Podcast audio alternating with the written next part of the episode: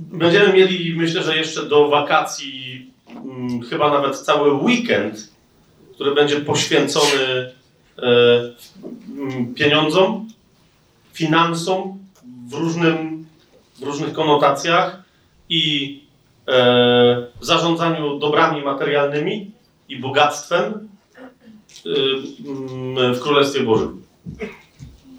Czyli do czego ty, jako chrześcijanin, jako chrześcijanka, musisz wiedzieć, że masz prawo, co możesz z tym prawem zrobić na większą chwałę Bożą. E, no i to będzie spotkanie dla wszystkich. To będzie spotkanie nie, spotkanie nie poświęcone dawaniu pieniędzy, tylko temu, co Mieszko dzisiaj nazwał przepływem wszelkiego rodzaju dóbr e, w Królestwie. Będzie całe, myślę, że to będzie cały weekend, żebyśmy się modlili o właściwe, e, o właściwe przełomy w życiu wielu chrześcijan. E, I jeszcze raz, wiecie dobrze, że ja nie, nie mam, nie, nie chcę mieć niczego wspólnego z Ewangelią sukcesu i to zupełnie nie będzie temu poświęcone. Będzie poświęcone jednak prawdzie Słowa Bożego, na, na, temat, na temat tego, na jakim poziomie materialnym my powinniśmy żyć, bo taka jest wola Boża. W drugim liście Piotra, jak sobie ze mną szybko go otworzycie, w pierwszym rozdziale, mamy wyraźne zapewnienie, i to jest tylko jeden trop na razie, który chcę Wam dać. Bardzo wyraźne zapewnienie.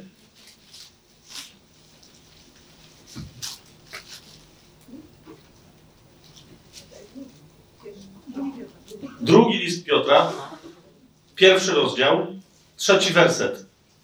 Mamy bardzo wyraźne zapewnienie, że moc Boża, która, która po prostu działa w życiu chrześcijanina, chyba że chrześcijanin albo chrześcijanka się jej sprzeciwią. Moc Boża obdarzyła nas wszystkim, co potrzebne do życia i pobożności.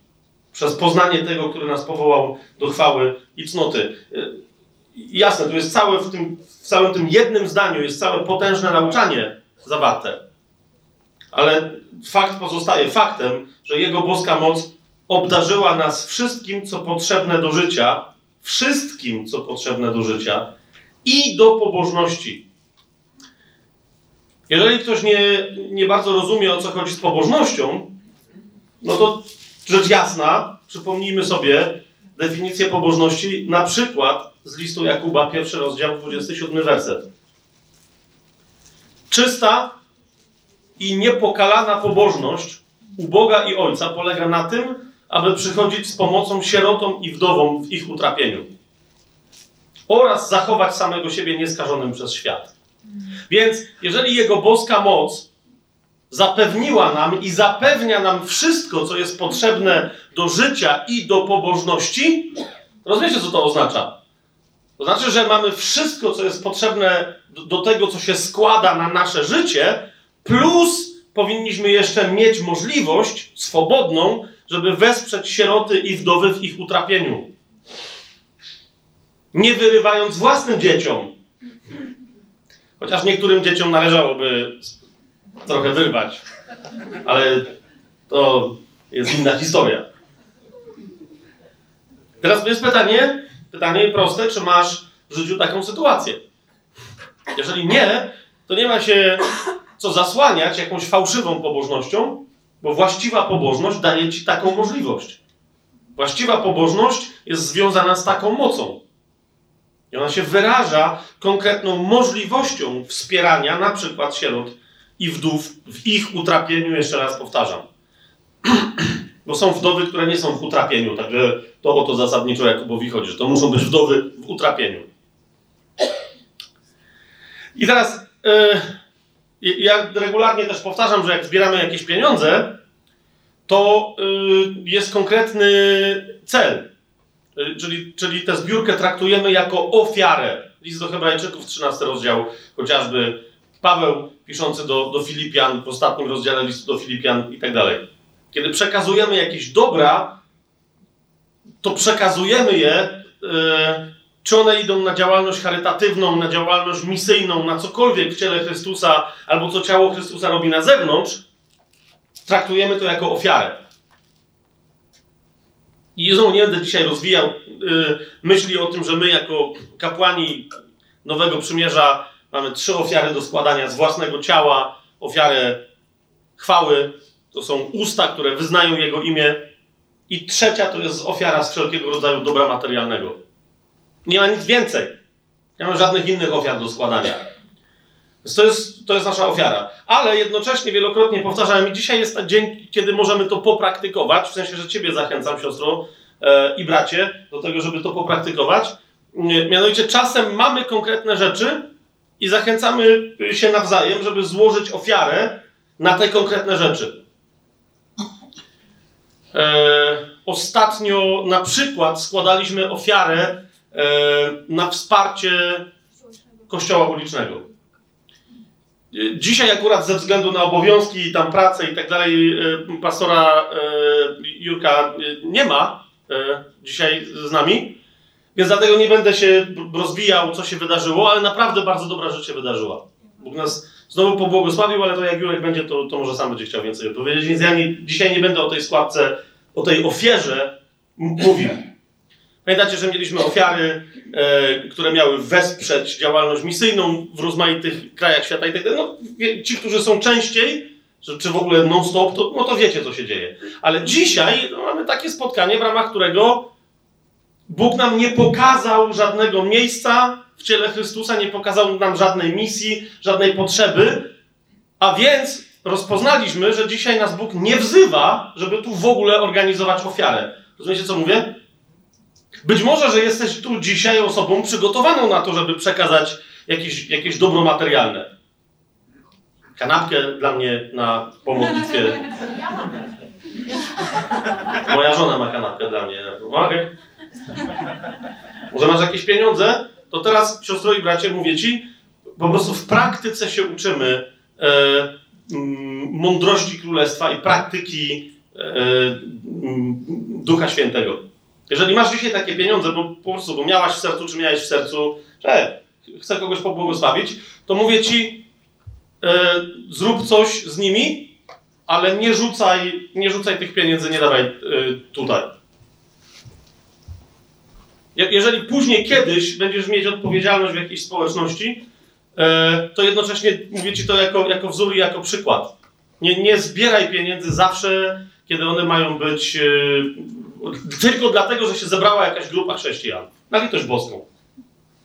Dzisiaj się zebrała grupa chrześcijan. Tak, no będziemy musieli zapłacić za wynajem tej sali. Za to wszystko, za to, że możemy się tu zebrać. To jest jedyna, jeżeli ktoś z Was więc ma takie wezwanie w sercu, że chciałby się dołożyć, ale zwróćcie uwagę, to nie jest żadna ofiara, to jest składka. Gdyby ktoś z Was chciał się dołożyć do, do zapłacenia za tą salę, e, to jedyne, to jest jedyna rzecz, do której teraz zapraszam. Ale, ale, ale jasno mówię, nie mamy dzisiaj żadnego celu, który byłby autentycznie ofiarą w ciele Chrystusa. To, to jest jasne, co mówię? Więc jeżeli masz dzisiaj gotowość, żeby coś, to zapytaj, czy twoje 5 złotych ma być dołożone do, do tego, żeby zapłacić za tę salę, czy być może masz jakiś pieniądz przygotowany 5, 10 złotych, 100, 12 tysięcy? Bo wtedy, rozumiesz, to jest dobry moment teraz, jest genialny moment, żeby zapytać Ducha Świętego, co mam z tymi pieniędzmi zrobić teraz dla Ciebie, Duchu Święty. Bo one są dla Ciebie. Ja miałem gotowość w sercu. Miałem gotowość w sercu i teraz co ja mam z nimi zrobić?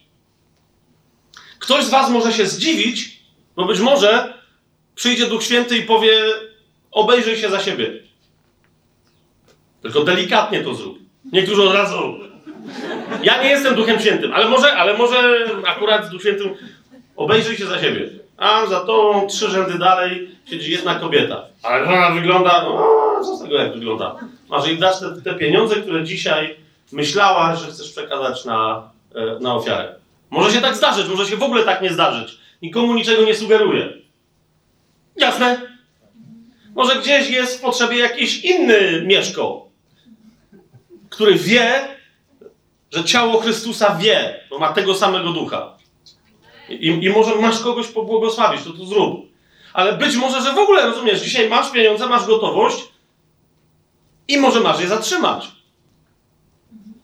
przypominam wam zasadę, którą e,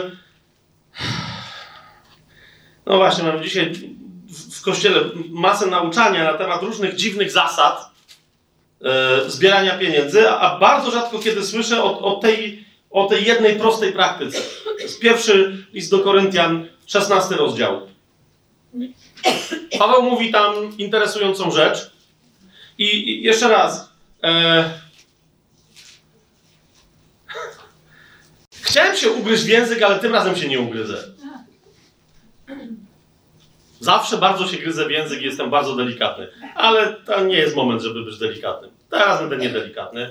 Zwłaszcza, że przez, przez lata byłem bardzo delikatny w temacie dziesięciny. Raz w życiu tylko wygłosiłem jakieś nauczanie na ten temat i do dzisiaj jestem rugany nie przez żadnych pastorów w ogóle, nie, przez jakichś nieznanych mi tajemniczych, anonimowych ludzi, którzy, którzy cały czas każą mi przestać nauczać na temat dziesięciny. Jak ja bym kiedykolwiek nauczał na ten temat. Ale dzisiaj właśnie powiem coś na temat dziesięciny. Jeszcze raz to powtórzę. Nie ma w Nowym Testamencie niczego na ten temat. Kropka. To jest moje całe nauczanie. A te momenty, które się odnoszą w ogóle do słowa dziesięcina, których naprawdę, jak masz palce jednej dłoni, to już ich masz za dużo, żeby policzyć te momenty. Te fragmenty, gdzie w ogóle pada słowo dziesięcina w Nowym Testamencie się odnoszą w ogóle do czego innego, a nie do, a nie do praktyki dziesięciny.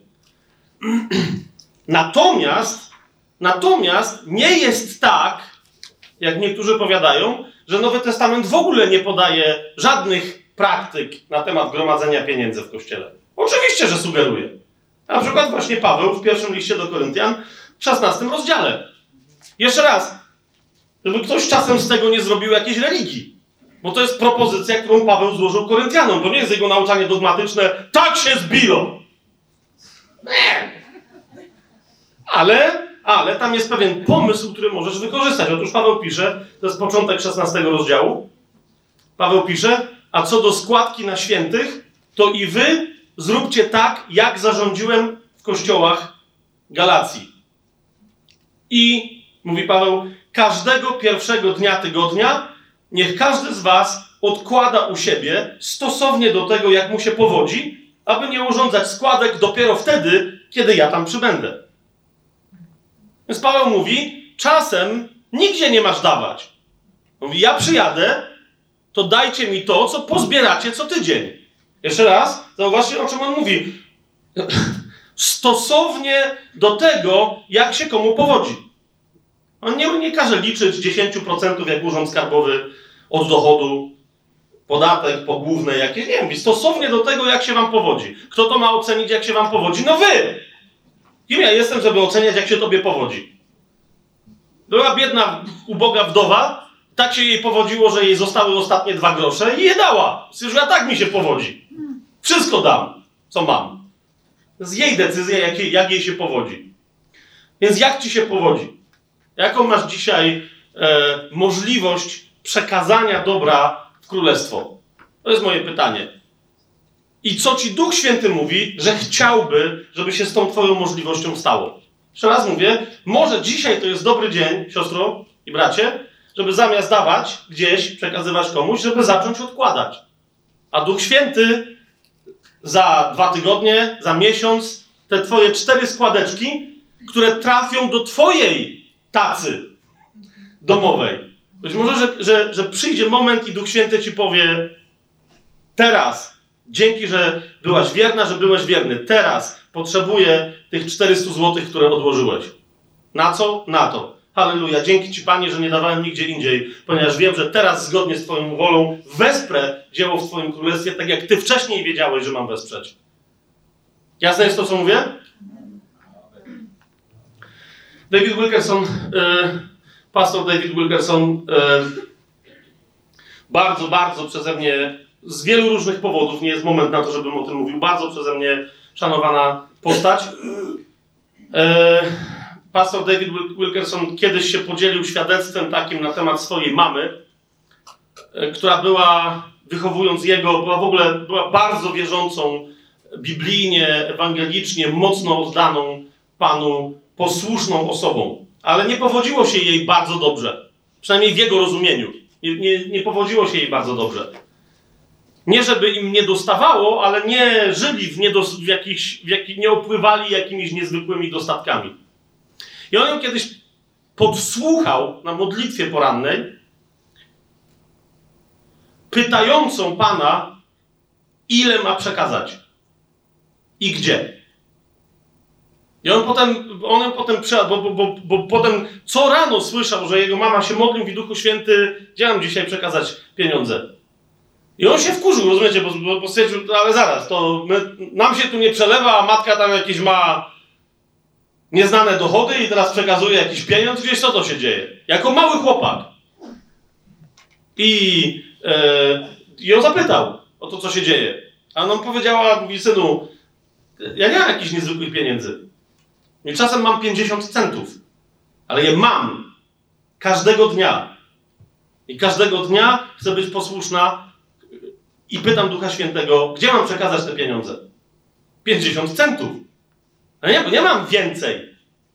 Ale Słowo Boże mówi bardzo wyraźnie i sprawdźcie to w kontekście pieniędzy właśnie, w kontekście niegodziwej mamony, kto będzie wierny w rzeczach małych, takich małych jak pieniądze, tego nad wielkimi postawię. Więc jeszcze raz, nie musisz mieć wielkich pieniędzy. Musisz mieć małe. Ale chodzi o to, co, z jaką częścią ich chcesz, żeby Duch Święty zrobił. Jak chcesz, żeby On nimi zarządził. To, to jest właśnie moment, żeby o to zapytać. Więc jeszcze raz, kto chce jakoś pomóc w wynajęciu tej sali dzisiaj, to, to może pomóc. Ale jak się okaże, że nikt nie pomaga, to wiecie, jeżeli to nie jest Boże dzieło, to niech upadnie. Jeżeli to nie jest Boże dzieło, to niech zdycha. Na, naprawdę mówię wam, niech, niech po prostu niech zdycha. Bo po co mamy robić rzeczy, które nie są zgodne z wolą Bożą? Amen? Kiedyś Chuck Smith, taki duchowy wychowawca Chucka Mislera, o którym dzisiaj Tymek mówił, kiedyś Chuck Smith e, bardzo się żachnął, jak tam kolejna osoba do niego przyszła z pytaniem, czy może przedstawić jakąś tam służbę, że ta służba e, potrzebuje wsparcia. I on słuchał do momentu, kiedy się żachnął. A kiedy się żachnął? Kiedy jakaś osoba mu mówiąc, że ta służba robi to i robi tamto i tak dalej, na końcu powiedziała, no i w ogóle potrzebujemy wesprzeć tę służbę, bo jak ją nie wesprzemy, to być może, że będzie ta służba musiała upaść. I wtedy Chuck Smith powiedział, dobra, to jest koniec. Bo jeżeli to jest powód, dla którego zbieracie pieniądze, to niech ta służba upadnie jak najszybciej. A nie wyciąga od wierzących pieniędzy przez pseudo rozeznawanie. Niektóre służby się muszą skończyć, inne się muszą podnieść. Duch Święty rozpoc- czasem niektóre służby mają trwać. Ale jeszcze raz, jednym z elementów, jednym z elementów naszej ufności w Panu jest ufność w to, że On wie, zna całą ekonomię swojego królestwa i wie, gdzie i w jaki sposób przekazać właściwe środki i o jakiej porze. Amen? Nawet jak ty nie będziesz posłuszna, nawet jak ty nie będziesz posłuszny, to on i tak znajdzie inny sposób. No ale czemu nie mielibyśmy być posłuszni? Jezus jest Panem? 64 osoby są w miarę przekonane. Jezus jest Panem? Jezus jest Twoim Panem? No. To znaczy, że panuje. Teraz dalej. Sami widzicie, jak, jak nieustannie potrzebujemy się budzić w kościele i leczyć rany, które są też spowodowane tym, e, że wielokrotnie, czasem nawet z, w dobrych intencjach i z dobrych pobudek, w ramach zbierania pieniędzy byliśmy manipulowani. I jeszcze raz, mówię to nie po to, żeby teraz znowu się w tobie podniosło, że no właśnie, tylko po to, żeby to zauważyć i żeby wreszcie to przebaczyć i żeby pójść dalej. Żeby nie reagować tylko na to, co się kiedyś wydarzyło, nie reagować na ból, który dalej w sobie masz, pod pozorem, że masz opinię, tak jak dzisiaj Tymek nauczał, tylko żeby wreszcie się rozprawić z tym bólem i w wolności Syna Bożego, córki Bożej, którzy mają wszystko, otworzyć swoje serce i nie dać. Jak wiesz, że Duch Święty ci mówi, żeby nie dać, tam gdzie masz nie dać, a przejść w miejsce, gdzie masz dać, kiedy Duch Święty ci mówi, że masz dać tyle, ile masz dać. Amen? Amen. A jak nie amen, to niektórzy patrzą na moją rękę. Od razu wyjaśniam, że nie zrobiłem sobie, to nie jest tatuaż. Siedziałem obok mojej żony i mi narysowała na ręce uśmiech i dwa serduszka. I to jeszcze rozumiem, ale nie rozumiem gwiazdki na górze, więc to będziemy musieli sobie wyjaśnić, czy chodzi o betlejemską, czy jakieś tam, czy moja żona w jakieś zwiedzenie popadła.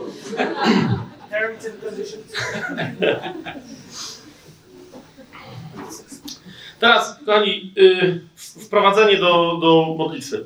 W ogóle, podobnie jak z pieniędzmi, którymi chrześcijanie naprawdę. I tutaj to nie jest, znowu, nie, to nie jest żadna moja krytyka. Bo ja to sam do siebie mówię. Że my cały czas musimy się uczyć ufności wobec Pana. Bo jak Pan Jezus nauczał, na przykład w kazaniu na górze, o tych liliach na polu i o tych wróblach, o tych ptakach niebieskich, to on nie żartował. To wiecie o co chodzi?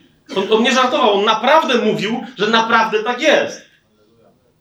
Więc, więc żebyśmy dotarli do, do miejsca, w którym my nie będziemy się musieli przekonywać, że tak jest, tylko będziemy świadczyć całym swoim życiem, że tak jest, no to, to potrzebujemy tam dojść, doczołgać się zębami, dociągnąć, ale naprawdę tak szybko, jak to jest możliwe, potrzebujemy tam wszyscy dojść, a nie udawać, że już jesteśmy w miejscu, w którym halleluja, wmawiamy sobie, że jest dobrze. Jak sobie musimy wmawiać, że jest dobrze, to jest bardzo źle. Podobnie więc jak jest e, z tematem pieniędzy, że nam się zawsze tylko wydaje, że wszystko już na ten temat jako chrześcijanie wiemy, podobnie jest z modlitwą.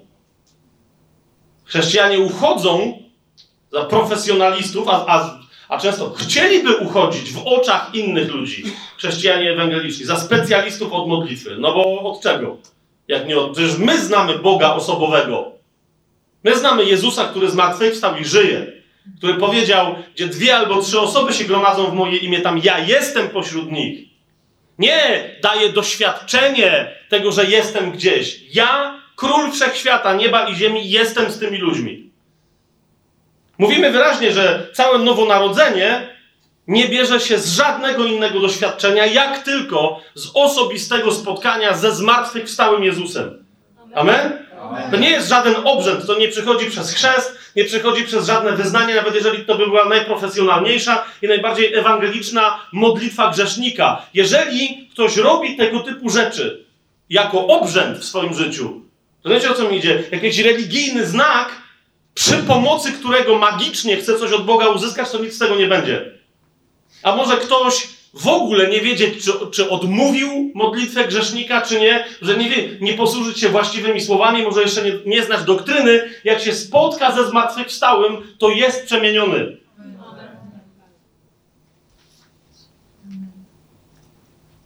Mieszko, ponieważ spotkał zmartwychwstałego, jak dzisiaj słyszeliśmy w jego świadectwie, w związku z tym później zmartwychwstały mocą swojego ducha, którego posłał, żeby nam przypomniał wszystko, co Jezus powiedział. Żeby nas wprowadził w całą prawdę, mocą tego swojego ducha wyjaśnił całą doktrynę Mieszkowi. Ale dlaczego mógł ją przyjąć do swojego serca jako życiodajne nauczanie i pokazuje Słowo Boże i mówi, to jest pokarm mój? Dlatego, że się spotkał ze zmartwychwstałym. I cokolwiek innego w życiu robimy, w jakikolwiek znak nie wchodzimy, w jakąkolwiek praktykę, Cokolwiek by to w kościele nie było, jakkolwiek mniej czy bardziej oficjalnego, strukturalnie, nieważne co to jest. Włącznie z takimi znakami, które Pan Jezus ewidentnie nam zostawił, takimi jak chrzest i pamiątka wieczerzy, jeżeli my w te rzeczy kiedykolwiek wchodzimy, bo one same z siebie dla nas stają się istotne, a nie są tylko wyrazem, kolejnym wyrazem naszego kolejnego spotkania ze zmartwychwstałym żywym Jezusem, to mamy religijny problem. Religia się dokładnie w tym miejscu zaczyna, w którym myślisz, że robisz coś dla Jezusa, a Jezusa w tym nie ma. W którym myślisz, że rozmawiasz z Nim, ale, ale Go tam nie ma.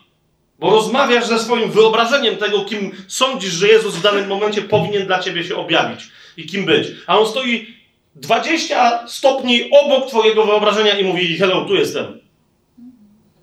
Za każdym razem, kiedy mówisz, wyznaję, że Jezus jest Panem i zaczynasz rozkazywać Jezusowi, żeby pobłogosławił w tym, co ty zdecydowałeś, to masz religijny problem. Bo on jest dokładnie obok twojego wyobrażenia Jezusa. Bo jeżeli Jezus jest Panem, to On decyduje, a nie ty. I On błogosławi ciebie, ale nigdzie nie obiecał, że będzie błogosławić twoim decyzjom. Od momentu, kiedy twoja decyzja zabrzmiała, Jezu, ty decydujesz. I mówię to na początku tej modlitwy, bo mamy tu dzisiaj parę osób, być może włącznie ze mną. To nie jest rzecz, którą się robi jednorazowo w życiu. Ja też będę musiał się temu dobrze przyjrzeć. Ale mamy tu parę osób, które dokładnie mają pretensje do Boga dzisiaj, że im nie błogosławi. Gdy tymczasem Bóg nie przestaje błogosławić. Nie ma, ma takiej możliwości, żeby nowonarodzona osoba chociaż przez sekundę nie była w pełni pobłogosławiona. Nie ma takiej możliwości. Natomiast wiesz, jaka jest możliwość? Że nowonarodzona osoba świadomie, bo ma do tego prawo, wychodzi spod błogosławieństwa albo rozkłada parasol swojej własnej woli. I wtedy błogosławieństwo do niej nie dociera. Dlaczego? Bo Bóg każdą taką akcję, każde takie zachowanie traktuje zgodnie ze swoją sprawiedliwością jako przejaw pychy. Je jeżeli ty mówisz, że Jezus jest Panem, ale następnie mówisz, ale w tej konkretnej decyzji to ja wiem lepiej niż On, to jest pycha. My szukamy, rozumiesz, szukamy, patrzymy, gdzie w kościele przejawia się pycha. Ktoś do mnie niedawno przyszedł i mówi, wiesz co, Wamian, słuchałem paru twoich nagrań i nie mogłem cię słuchać, bo uznałem, że skoro się tak grzesz, to znaczy, że jesteś pyszny. Nie mówię, że tak nie było, może tak było. Tylko widzisz, najgorsza chrześcijańska pycha przejawia się w cichości naszych przekonań, że jesteśmy blisko Jezusika. Kiedy robimy z siebie ofiary przed Nim i mówimy Jezusiku, Jezusku, kochany, czy, czy ja Cię nie miłuję? I to dlaczego? To, to co to, czyli? I tak bredzimy dokładnie jak ja teraz. A, a, Dasz potem, co lepsi zrobią mi z tego nagranie. Tak nauczał Waszkiewicz.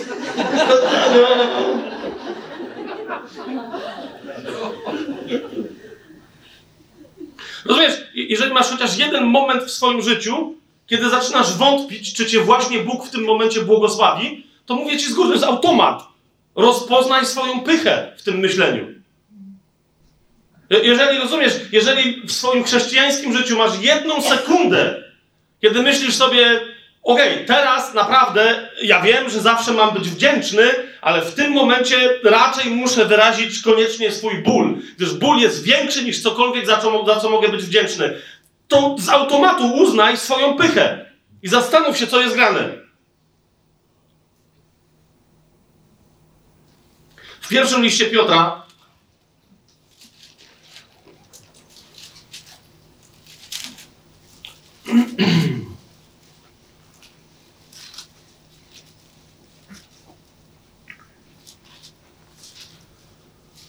A dobra, zanim pójdziemy do pierwszego listu Piotra. Skoro dzisiaj, tak sobie pomyślałem, Tymek powiedział, że nie wyjdzie z pierwszych dwóch rozdziałów drugiego listu do Koryntian, to ja się przestraszyłem, że jak on zamierza nie wychodzić z tych dwóch rozdziałów, będziemy tu siedzieć do przyszłego tygodnia.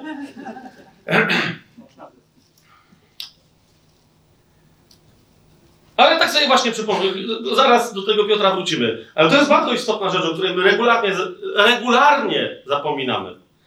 W tymże drugim liście do Koryntian, w drugim rozdziale, e, w trzynastym wersecie znajduje się jedno z najpotężniejszych wyznań Ducha Świętego, Ojca Jezusa na temat Jego woli dla naszego życia. Na temat każdej sekundy życia nowonarodzonej osoby. Rozumiesz, jak ktoś mnie za potem by miał zapytać, ale dlaczego niby ja zawsze mam być wdzięczny? Bo dlatego, zobacz, drugi do Koryntian, drugi rozdział, czternasty werset. Przepraszam, z pamięci gadałem, ja mam problem z cyframi, z liczbami. Czternasty werset. Lecz, mówi Paweł, dzięki Bogu, dodałbym, niech będą, temu, który nam zawsze daje zwycięstwo w Chrystusie. Kiedy mamy dawane przez Boga zwycięstwo? Codziennie 6 po 12. Promocja trwa Happy Meal do 17.04. Tak? Nie! Nie ma takiej sytuacji, w której nie moglibyśmy podziękować. Dlaczego? Ponieważ w każdej sytuacji, w każdej minucie najtrudniejszej nawet sytuacji i w każdej sekundzie takiej trudnej minuty, Bóg chce nam dać i daje nam zwycięstwo. Ponieważ Słowo Boże mówi, że On nam zapewnia to zwycięstwo kiedy? Zawsze. Zawsze. Możecie to. E, teraz, żeby było jasne, nie wiem, co się teraz dzieje, bo ja nie cierpię tego rodzaju zagrywek. Wiem, że nauczyciele to mają we krwi, ja z jakiegoś powodu tego nie mam we krwi. I tego, co teraz wam zaproponuję, osobiście nie cierpię, ale z jakiegoś powodu uważam, że właśnie teraz wyjątkowo, jak naprawdę wyjątkowo, chciałbym, żebyśmy coś razem zrobili. Żebyśmy razem przeczytali i wyznali tę prawdę. Ja to przeczytam, a wy po mnie powtórzcie. Ok? Dzięki niech będą Bogu, który nam zawsze daje zwycięstwo w Chrystusie. Dzięki niech będą Bogu, który nam zawsze daje zwycięstwo. I jeszcze raz to powtórzmy. Dzięki niech będą Bogu, który nam zawsze daje zwycięstwo w Chrystusie. Świetnie. Jak już posłuchaliście siostry katechetki, to teraz mam do ciebie, raczej do ciebie, siostro, prośbę. Przemyśl to, co przed chwilą było powiedziane Niektórzy widziałem, że aż oczy zamknęli i tak dalej, ale jeszcze raz, słyszysz, co tu jest powiedziane? Uważasz, że to jest prawda? Uważasz, że to jest prawda? To jeszcze raz. To jeszcze raz. Dzięki. Niech będą Bogu, który nam zawsze daje zwycięstwo w Chrystusie. I jeszcze raz. Dzięki. Niech będą Bogu, który nam zawsze daje. I jeszcze raz. Dzięki. Niech to będzie Twoja modlitwa. Dzięki niech będą Bogu, który nam zawsze daje. Halleluja! Dzięki niech będą Bogu, który nam zawsze daje zwycięstwo w Chrystusie. Jako były ksiądz, były jezuita, były katolik rzymski, nie lubię litanii. A już zwłaszcza modlitw, które mają charakter mantrowy ale czasem przydałoby się, wiecie o co mi chodzi? Żebyśmy pewne rzeczy w swoim prywatnym życiu, nie na zasadzie, jak się w ruchu wiary czasem naucza, żeby teraz wyznawać, bo coś tam zaklinać rzeczywistość. Nie, ale żebyśmy tak długo wy, powtórzyli jakąś prawdę, żebyśmy zajarzyli, na czym ta prawda polega. Dlaczego to jest prawda? I teraz, jak już to powiedziałem, że mamy to zwycięstwo, Swoją drogą, nie wiem, czy zauważyliście, że. E, bo to jest niby wprowadzenie do modlitwy, ale w zasadzie każde te nasze spotkania zaczynają się modlitwą. Dla mnie osobiście, czy słucham nauczania, czy sam czasem nauczam, czy cokolwiek się nie dzieje, dla mnie to jest cały czas modlitwa. I, I Bogu dziękuję, że coraz bardziej te nasze spotkania stają się tak swobodne, że się modlimy w różnych miejscach. Nie ma, wiecie, osobnego modlitewnego sakrum. I do tego się powinniśmy przyzwyczaić. Ale teraz Ale teraz chcę jedną rzecz zapowiedzieć, a z tego, co chcę zapowiedzieć, e, e, już dzisiaj do jednej rzeczy się odnieść, czyli zrobić w ramach tego, co chcę zapowiedzieć. Otóż, kochani, e, od jakiegoś czasu, od już bardzo długie, od wielu lat obserwuję takie zjawisko w kościele. I mówię to teraz nie po to, żeby komuś coś wyrzucać, tak? Jest to jasne? Nie, nie, teraz to, co powiem, nie, to nie po to, żeby komuś coś wyrzucać, ale po to, żebyśmy zauważyli to zjawisko i się rozwinęli. Poszli dalej. Otóż jest takie zjawisko, że jak się pojawia możliwość modlitwy wstawienniczej, bezpośredniej za kogoś, ktoś mówi, no to teraz, jak już skończymy coś tam robić, to wtedy możecie podejść i będziemy się za kogoś modlić. Kto ma takie potrzeby, czy inne. Najlepiej jest, jak, się, jak w ogóle nie ma żadnej intencji, że modlimy się w konkretnie takiej czy innej potrzebie. Tylko kto ma jakąś potrzebę, to niech przyjdzie. I teraz, kochani,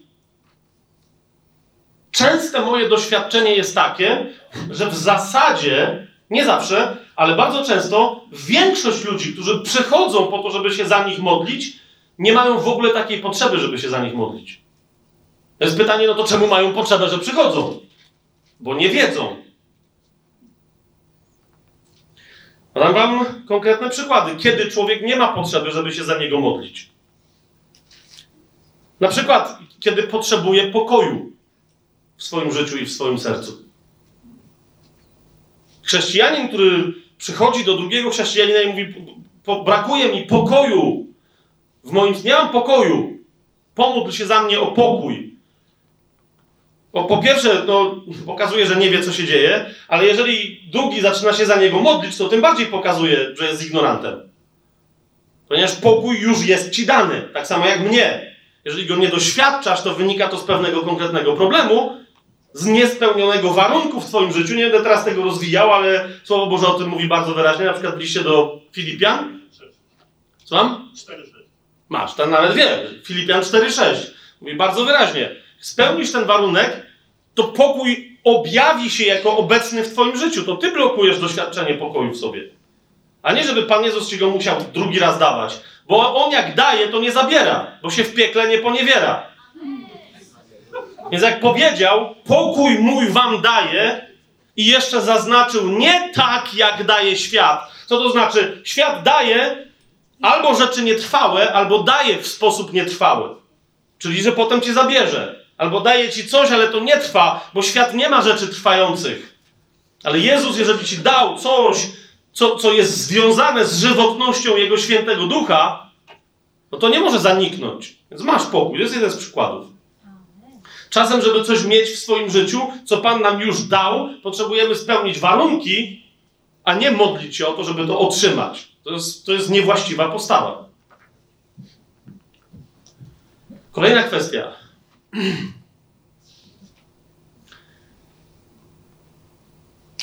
Bywa, że nasza prośba o to, żeby ktoś się za nas pomodlił, wynika z takiej niewiedzy, że sobie sami możemy poradzić, ale też często wynika z przeświadczenia konkretnego chrześcijanina czy chrześcijanki, że nie jest w stanie sobie z tym czymś poradzić. Na przykład uwolnienie.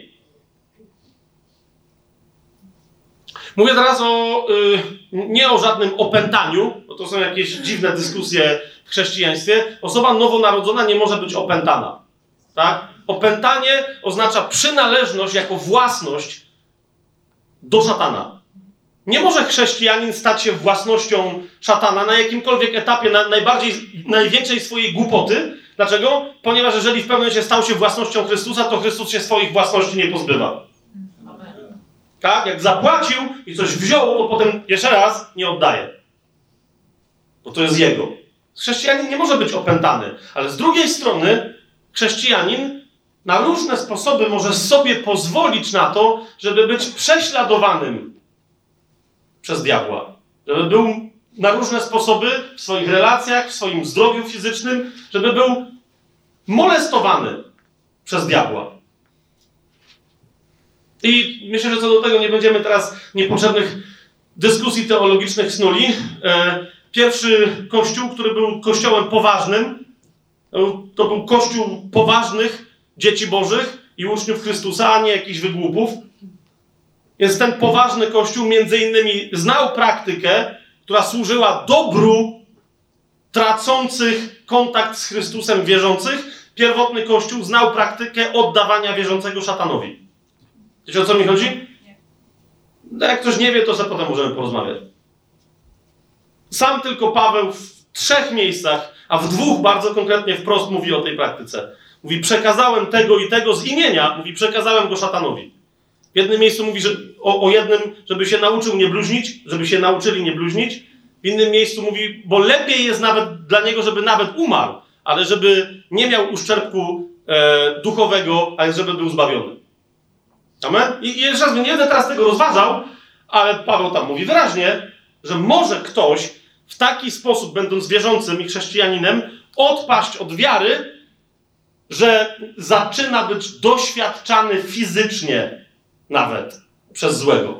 Pisząc do Koryntian, Paweł na przykład mówi, że przez nierozpoznanie ciała Chrystusa, mówi niektórzy, mówi, dlatego się tak słabo macie. Chorujecie, a niektórzy z was nawet już pomagli. Pamiętacie to? I tak dalej.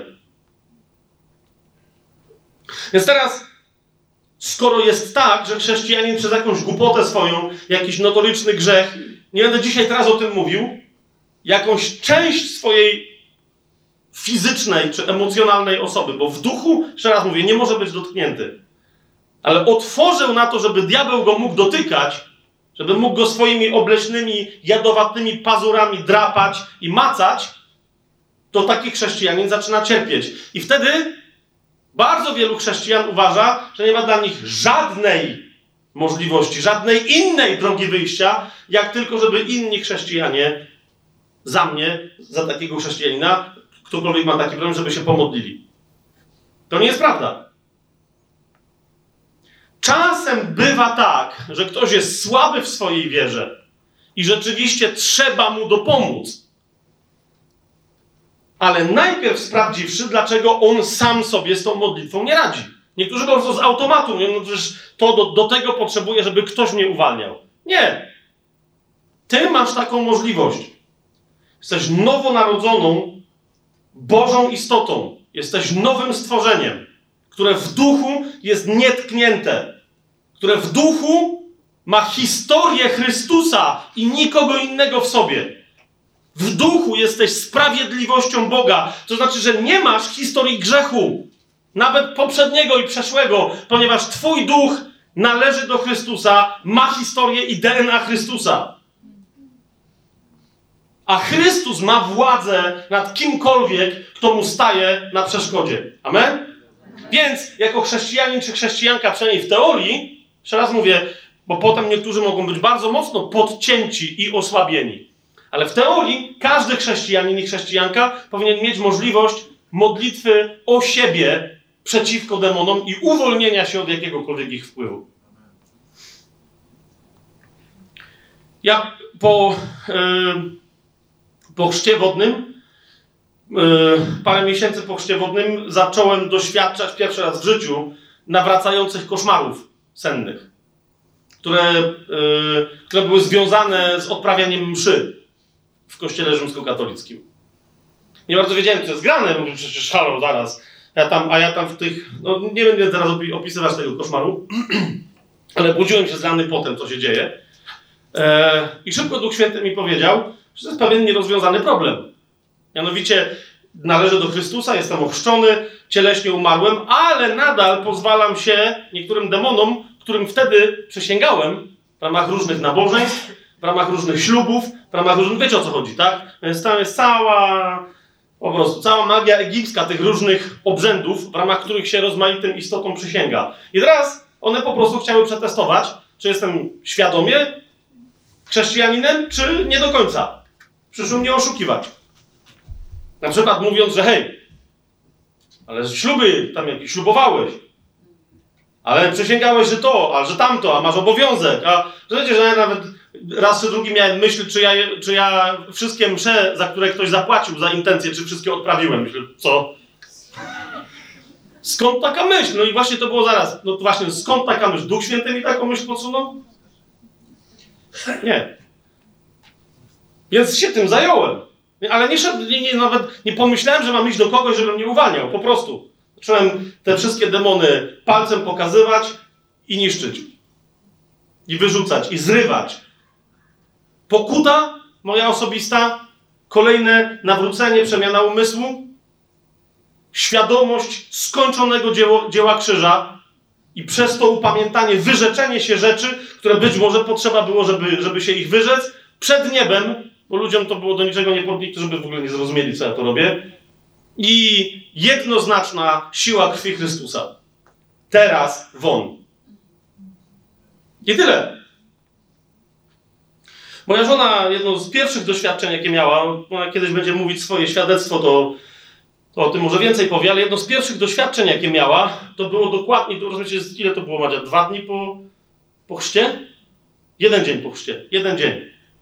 Zaczęła, cieszyła się, że jest super, jestem chrześcijanką, jestem coś tam i jeden dzień po chrzcie nagle wszystko się urwało, wróciła do pewnych starych sposobów zachowania, myślenia, emocji. I mówi, że to jest nonsens, to wszystko nie ma, nie jest nieprawda. Ja wtedy zauważyłem, co się dzieje. Zadałem jej tylko jedno pytanie. Tak? Kim jest? Co wyznała? Kogo zna? Kim jest zmartwychwstały? Co się stało w chrzcie? I mówię, w takim razie, jak myślisz, czy to jest możliwe, żebyś miała takie same emocje, jak wtedy, kiedy się działy traumatyczne wydarzenia w twoim życiu? A ja zaczęłam myśleć, mówię, no, zaraz, powoli, może to mówię, no właśnie, nie? Ale nie modliłem się za nią wtedy o uwolnienie. Od tych demonów, które dzień po chrzcie się przypomniały, że eee, a może to ciało jeszcze tak do końca nie zdechło. Mówię, to są demony. Przyjrzyj się im, bo one do tej pory cały czas udawały, że to są twoje emocje. A ja mówię, a jak to są emocje, no to są, to wtedy cię będziemy leczyć psychologicznie. Ale sprawdź. Znaczy, że miałem taką, wiecie, wizję much latających dookoła, dookoła magii. Nie? Że idź, sama sobie z tym poradź. Ile ta modlitwa trwała, Madzia, wtedy? Ile? Pół godziny. Pół godziny. A ile ich było? Paręnaście? Parę? Coś takiego. No będzie miała świadectwo, Madzia będzie o tym mówić więcej. Ale się pół godziny i była uwolniona. I mogła się zacząć cieszyć tym, co się wydarzyło w chrzcie, czyli od tej pory miała dwutygodniowy okres upamiętania głębokiego. Ale nie była gnębiona, była wolna. Nagle rozpoznała, że te rzeczy, które się jej wydawało, że no musi się tak czuć. Człowiek, który przeżył w swoim życiu to i przeżył stratę taką i poniżenie takie i ból taki, musi się... Nieprawda. Muchy demoniczne lecą do ran emocjonalnych i udają, natomiast twoje emocje. Każą ci się czuć w jakiś sposób i racjonalizują ci, to mówią, no, jeżeli to, to tamto. Nie. Jesteś zwycięzcą w Chrystusie.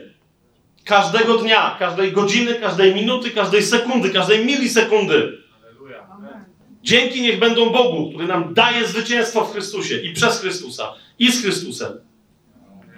Więc widzisz, to jest jeden z takich przykładów, że nie musisz od razu lecieć do innych chrześcijan, żeby się za ciebie modlili wstawienniczo na przykład o uwolnienie. Uzdrowienie, to jest kolejny taki temat i tak dalej, i tak dalej. Nie, nie, dzisiaj, teraz tego nie chcę rozwijać, chcę ci tylko powiedzieć, że należy się, mamy sobie nawzajem usługiwać modlitwą wstawienniczą i chcemy jeszcze więcej na tych naszych spotkaniach tak sobie nawzajem usługiwać. Ale jednocześnie chcemy rosnąć i coraz mniej być dziećmi w duchu, a coraz bardziej dojrzałymi i dorosłymi dziedzicami Bożymi. Amen?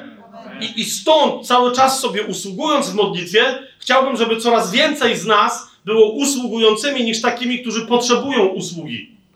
Amen.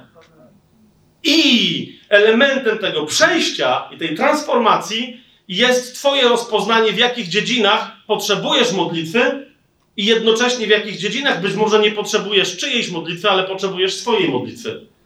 Amen?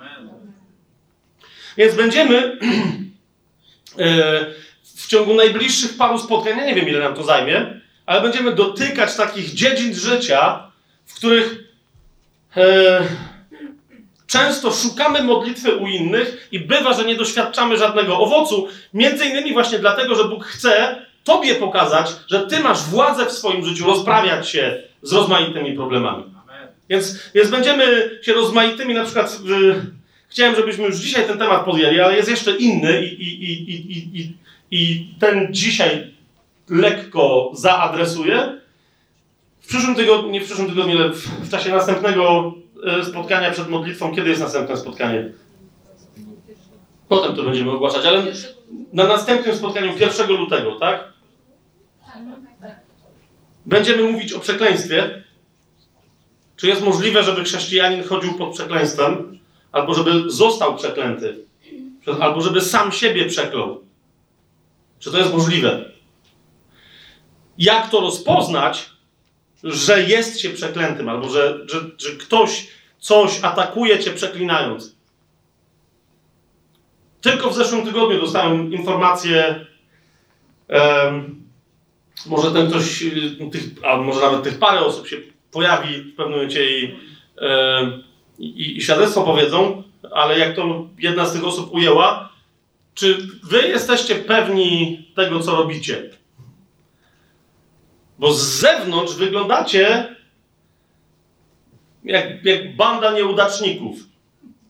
Niezorganizowanych, bez hierarchii, bez struktury, bez jakiegoś porządku. Nawet jak się modlicie, to nie wiadomo o co chodzi. A wasi wrogowie są świetnie zmotywowani i świetnie zorganizowani. I nie chodziło o innych chrześcijan, żebyście mnie dobrze zrozumieli. Tak? Chodziło o, o, o konkretne grupy związane z satanizmem wprost i, i innego tego typu klimatami. Innymi tego typu klimatami. Tyle tylko, że to, co po ludzku jest uporządkowane, wiecie, jest kompletnie schaotyzowane, jest kompletnym bałaganem duchowym, a to, co po ludzku może wyglądać jak zgraja łosi, no i mniej więcej tutaj trochę łosi, trochę borsuków, trochę łani przepięknych i turkuciów podjadków.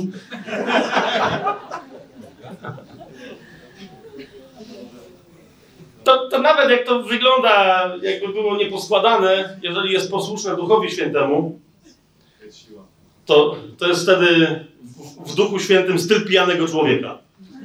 Niby nie wie o co chodzi, a na końcu wygrywa. I się śmieje jak głupi.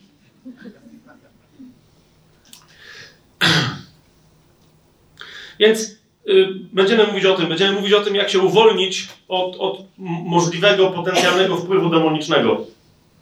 A, ale też jak odróżnić, no to jeszcze następne spotkania, bo czasem ludzie grzeszą, najzwyczajniej w świecie, chrześcijanie grzeszą.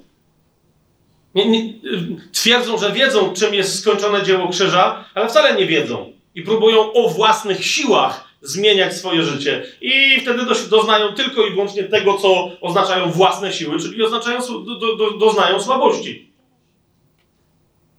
Trochę symbolicznie, bo to nie do końca tego, ale trochę to, co Mieszko dzisiaj mówił. Został uzdrowiony i stwierdził, no to teraz to ja już wszystko mogę i se złamał nogę. To jest tam nie do końca tak, tak, Mieszko, nie do końca tak ta dynamika, ale trochę to było to. Za każdym razem, jak ty myślisz, będąc nowonarodzoną istotą, że możesz funkcjonować według prawa starego stworzenia, to tam jedyne, czego doświadczysz, to będzie słabość. Jeżeli świadomie wejdziesz w słabość nowego stworzenia, to cię Bóg niesie na rękach. Ponieważ On pysznym się sprzeciwia, ale pokornym łaskę daje. A jak Paweł nie wiedział, co się dzieje w jego życiu i mówi, i mówi Panie, trzykrotnie mówił, daj mi spokój, bo jak nie wiem, on powiedział, moja łaska ci wystarczy. I czego więcej nie potrzebujesz? Moja łaska ci wystarczy. Więc czasem jest tak, że my się nie chcemy przyznać do tego, że po prostu jesteśmy winni grzechu i próbujemy sobie wmawiać, że to demony nas namawiają do jakichś niecnych rzeczy, do plotkowania, do pornografii, do, do, do takich rzeczy, o których najczęściej słyszę, że ja sam z siebie to ja bym w życiu, natomiast zapewne ktoś mnie przeklął, szataniści nasłali na mnie demon. Tak jasne. Jak już się szataniści zbierają, to na pewno by na ciebie demona pornografii nie wysyłali, wierz mi. To byłoby coś bardziej profesjonalnego. Typu chciwość, typu złodziejstwo. A to? Naprawdę demona potrzeba? Żeby cię trzymać przed komputerem? Łosiu? Więc będziemy potrzebowali, rozumiecie, yy, odnosić się do tych przestrzeni, w których często przychodzimy i prosimy o modlitwę, żeby się nauczyć, jak możemy sami o siebie się modlić. A, a nawet kiedy nie bardzo wiemy, czy, czy możemy, czy jak, brak nam siły, żebyśmy wiedzieli, jakim wstawiennikiem, jakiego rodzaju bezpośrednim pomocnikiem i nie bez przyczyny pocieszycielem jest Duch Święty. Jest to, co dzisiaj, co dzisiaj Tymek powiedział. Wtedy, kiedy ta, ta, ta sytuacja, o której on dzisiaj mówił, miała miejsce, e, nawet mu się nie chciało do kogokolwiek odwołać, zadzwonić i tak dalej ale wiedział, że jest przy nim ktoś, kto w tym momencie nie śpi, kto się nie zajmuje innymi rzeczami, nie ma dzieci do, do tego, żeby je nakarmić. Duch Święty. Że jest przy nim i może mu usłużyć.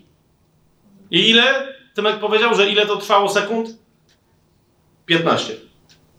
Żeby mu przyszedł i dosłownie fizycznie, żeby mu usłużył tak, żeby dosłownie fizycznie poczuł pocieszenie. Zmianę samopoczucia, życiowej energii w sobie. Eee, rzeczą, do której dzisiaj chcę się odnieść, ponieważ ona e, na, nawet mnie kolejny raz dotknęła e, w ostatnim czasie, jest doświadczenie, pierwszy list Piotra, czwarty rozdział.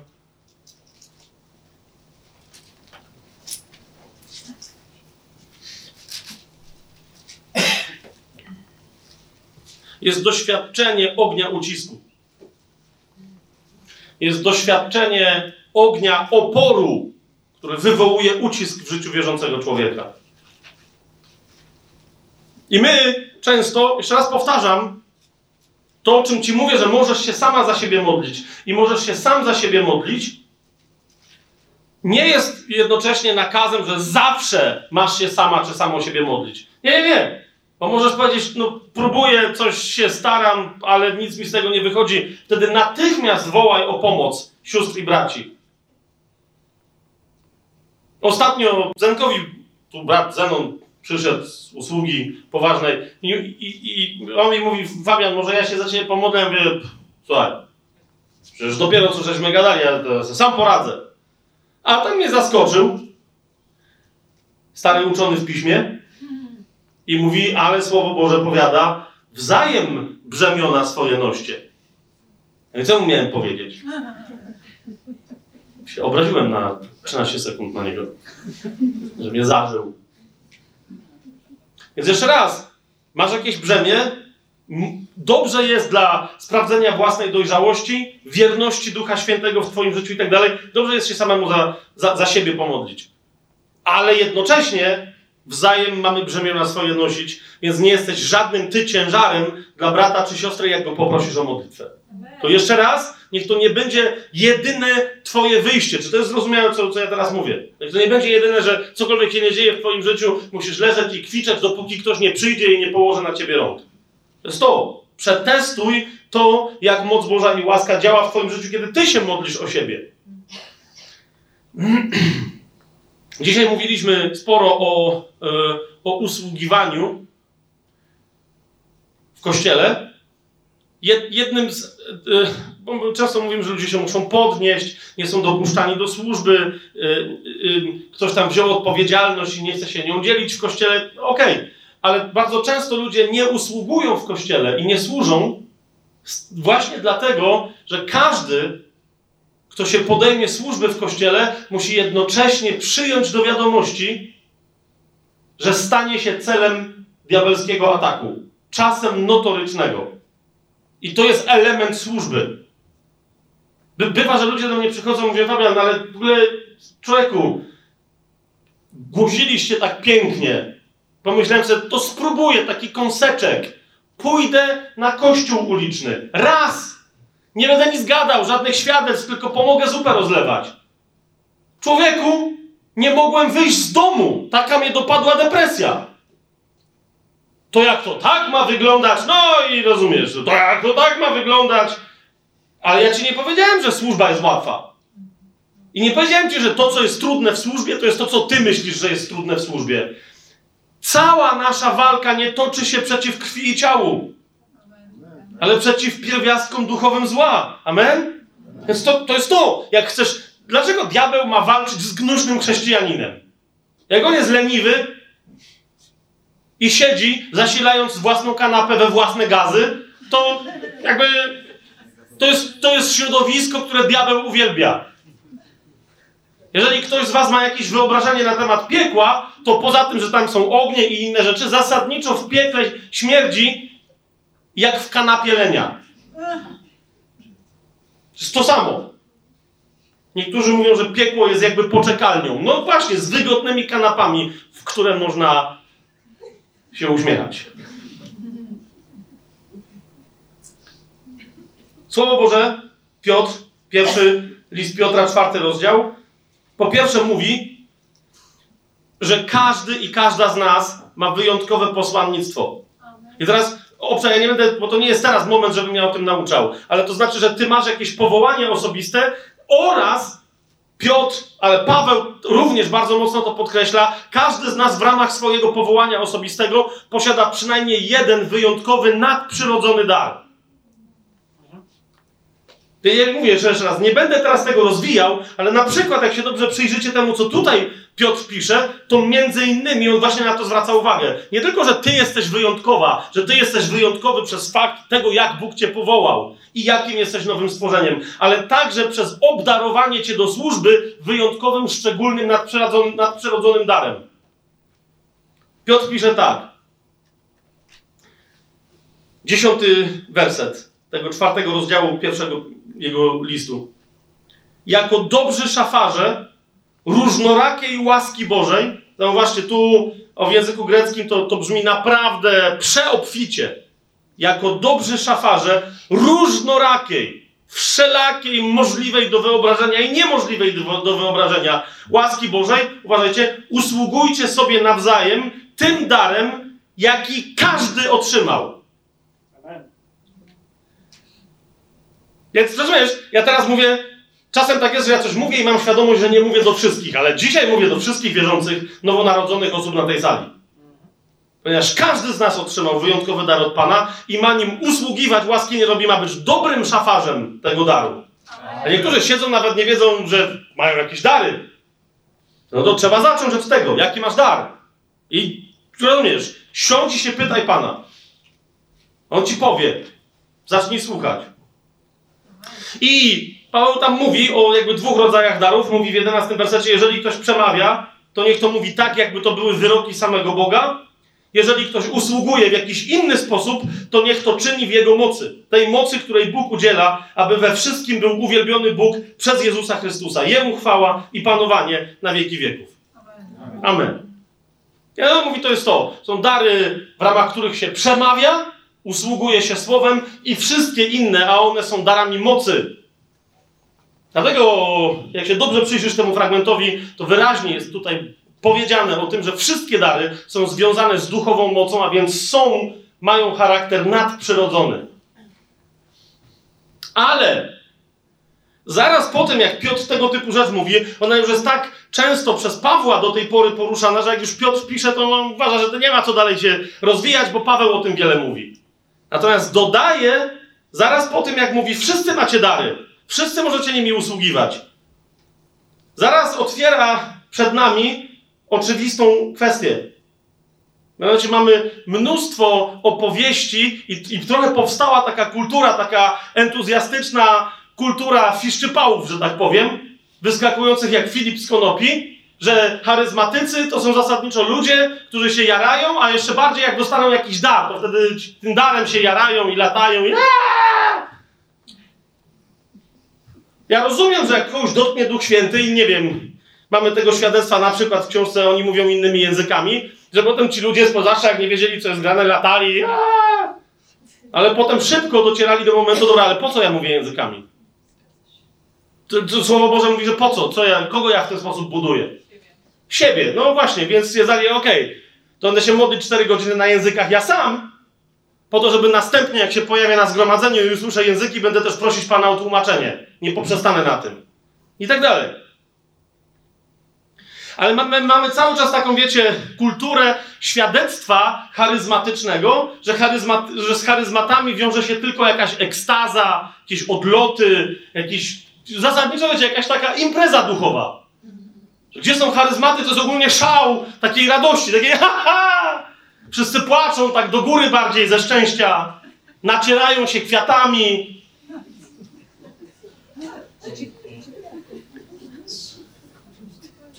Bo często tego typu reakcje wywołuje samo otrzymanie daru, albo uważajcie, usługiwanie tym darem.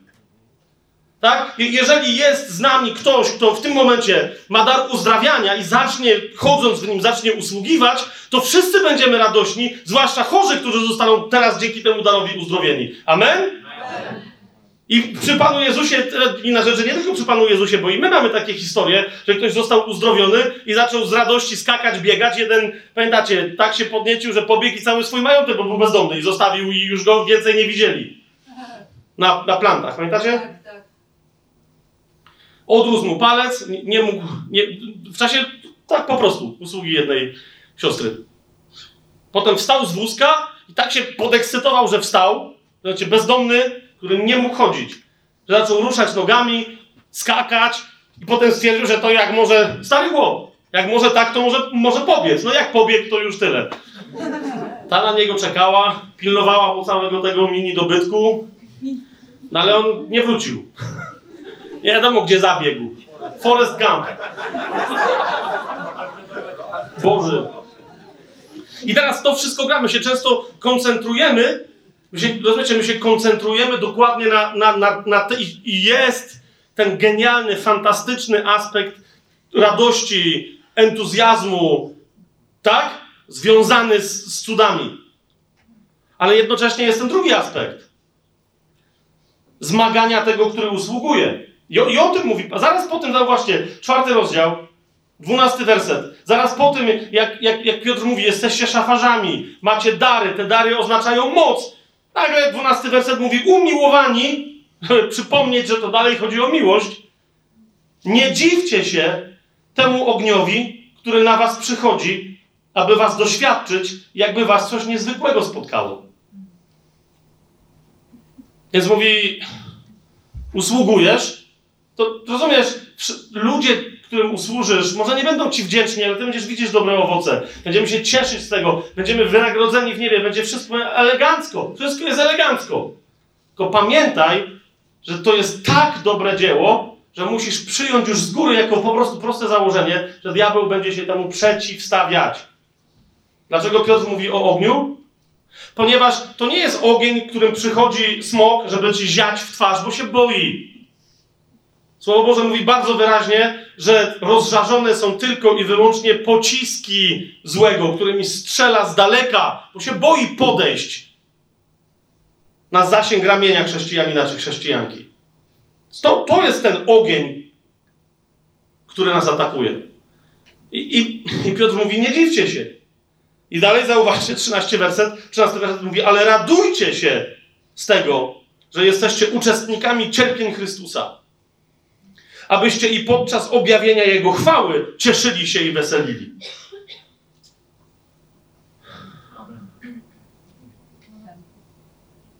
To jest dzisiaj pierwsza rzecz, którą chcę zaadresować z tych wszystkich tematów, w których będziemy mówić o, o modlitwie wstawienniczej.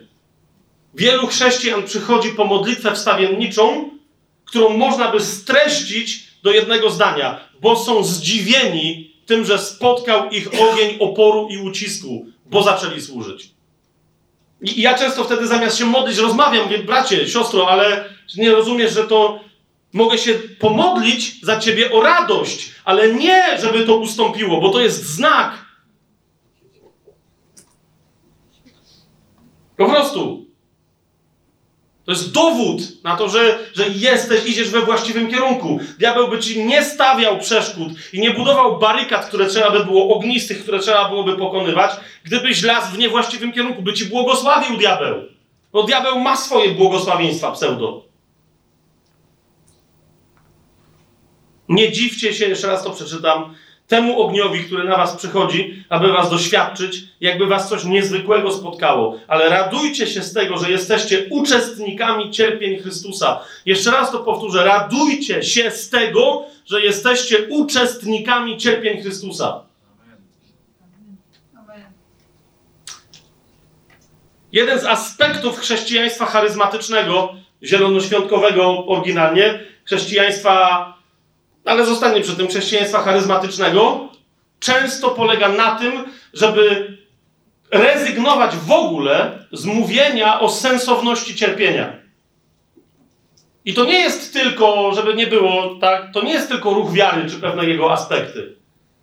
Ale mamy cały taki trend w, e, dzisiaj w chrześcijaństwie pozytywnego myślenia że pozytywnie myśli, trzeba i w związku z tym, jak nagle Słowo Boże gdzieś mówi o tym, że, że może w naszym życiu się pojawić cierpienie, no to my wtedy, nie, nie, nie, daj spokój, bo już samo mówienie o tym jeszcze, nie daj Boże, to na ciebie ściągnie. Rozumiesz, ja kiedyś pamiętam taką rozmowę, ale tu nie daj Boże, mówię, to dałby Bóg. Co ty, właśnie to jest, ty nie uważasz czasem na słowa. Ci się zgadza, ale nie w tym momencie. Sobie otworzymy list do Filipian, że już temu Piotrowi na razie damy spokój. To yy, przeczytam wam teraz fragment, który jest często cytowany, ale nie w takim rozmiarze, jak ja teraz go przywołam. Znaczy, często jest też tak cytowany.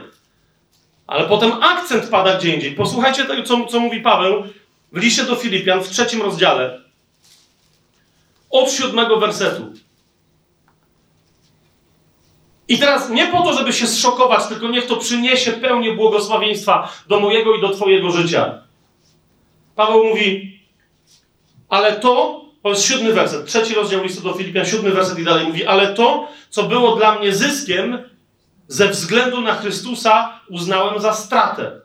Owszem, wszystko uznaję za stratę dla znakomitości poznania Chrystusa Jezusa, mojego Pana, dla którego wszystko utraciłem i uznaję to za gnój, byle tylko zyskać Chrystusa i znaleźć się w Nim.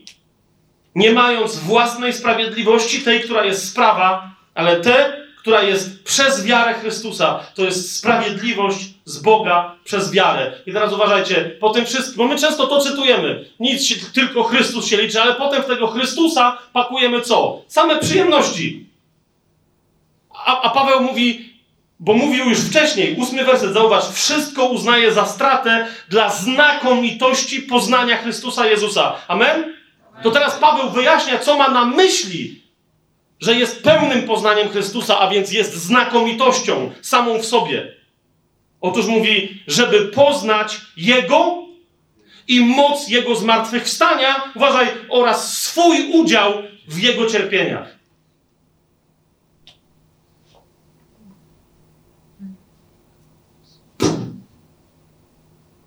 Ale siadło. Z absolutnie zachwycającą rzeczą spotkać się z Chrystusem zmartwychwstałym. Amen? Jest absolutnie zbawienną rzeczą doświadczyć mocy Jego zmartwychwstania. Amen? Ale nie ma niczego doskonalszego, niczego cudowniejszego w doznaniu, niczego doskonalszego, jak tylko dotarcie do, do tego etapu świadomości dojrzałości. Ja już nie wierzę dojrzałości, ale świadomości dojrzałości, że prawdziwe szczęście jest we współudziale z cierpieniem Chrystusa. Wow! Zauważyliście, jakiego dogmatu teraz dotknąłem? Wow! Wszystkie cierpienia Pan Jezus. Ja nie mówię o cierpieniu na krzyżu. Ponieważ cierpienie Jezusa na krzyżu było absolutnie unikatowe.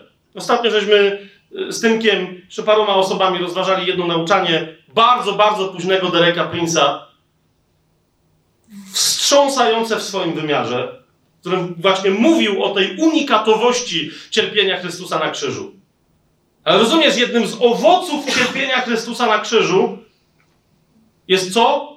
Jest, że może się pojawić jego cierpienie, które wciąż ma miejsce dla Kościoła, w Kościele i przez Kościół dla świata.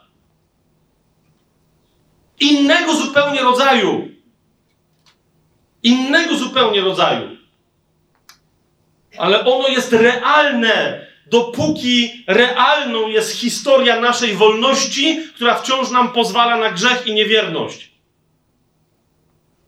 Najprościej rzecz ujmując, naprawdę uważasz, że Jezus jest beznamiętnym, łacińskim, rzymskim bóstwem, które jest niepodatne na cierpienie? Kiedy jest mężem oblubienicy, która cały czas może chodzić goła, może go zdradzać, może dostawać od niego kolejną białą suknię i może sobie ją upaprać ekskrementami? Rozumiesz? To chcesz mi powiedzieć, że a nie, nie, on jest ponad tą? To co to za mąż, jak się nie przejmuje dziadostwem swojej żony? Rozumiecie, o czym mówię? I jeszcze raz, jest czas najwyższy, żebyśmy. To jest pierwsza rzecz, na którą chcę zwrócić uwagę, zanim potem pójdziemy do, w następnych spotkaniach do, do, modlitwy o uwalnianie od przekleństwa, od, od, od demonów, o uzdrowienie fizyczne itd., tak itd. Tak to jest pierwsza rzecz. jeżeli w ramach służby doznajesz oporu, o którym Piotr mówi, i doświadczasz ognia, jeszcze raz, a powiesz, co miał na myśli Pan Jezus, jak do Laodycei pisał i powiedział, kupcie sobie u mnie złota oczyszczonego w ogniu. No co miał na myśli? Właśnie to. Chcesz, żeby twoje uczynki, jak staniesz na Trybunale Chrystusa, miały charakter złota, srebra i drogich kamieni, a nie były z jakiegoś dziadowskiego drewna, słomy i innego śmiecia? Chcesz, żeby przeszły przez ogień i pojawiły się z drugiej strony w pełnej duchowej swojej chwale i krasie? To potrzebujesz mieć takie złoto, które wcześniej będzie już wytopione w ogniu, żeby, żeby go tamten ogień nie dotknął, który będzie palić śmieci, słomę i drewno. To o to chodzi. I teraz, jeżeli ktoś teraz pomyśli, że no ale to, to jest typowy, przecież y, to jest typowe katolickie cierpiętnictwo. Absolutnie nie. Ja mówię o czymś kompletnie innym. Mówię o takim zaangażowaniu się o takiej miłości i o takiej pasji, którą tylko Chrystus może się z Tobą i ze mną podzielić.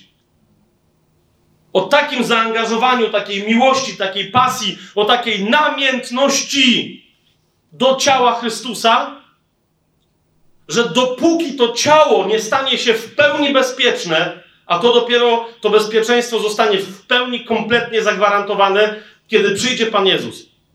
Amen? Wraz z jego powrotem z pełnym pierwszym zmartwychwstaniem. To dopóki to się nie wydarzy, my współuczestniczymy z Jezusem w dbałości o szatę pani, pani młodej. Pamiętacie Pawła, który do Koryntian pisze w pewnym momencie i mówi: ja, ja jestem o was zazdrosny.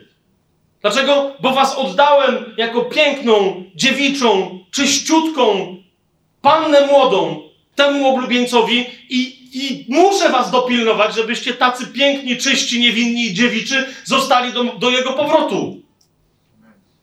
I jeżeli tak się nie dzieje, to to serce apostoła zasmuca. To to serce proroka zasmuca. To to serce nauczyciela zasmuca. To to serce pasterza rozdziera. To to serce ewangelisty także dotyka. I teraz widzisz, o co mi chodzi. Bywa, że Twoja potrzeba modlitwy, tak ci się wydaje, nie jest żadną potrzebą modlitwy, ale jest potrzebą rozpoznania. Co z tego ognia, który się pojawił w Twoim życiu, jest po prostu oporem złego. Bo wtedy nie potrzebujesz prosić, żeby ten opór ustał, ale potrzebujesz zrozumieć, że to cierpienie nie jest żadnym cierpieniem, ale jest namiętnością, która która dopuszcza cię do najwyższego rodzaju radości. Jeszcze raz wróćmy do tego pierwszego Piotra. I to będzie koniec.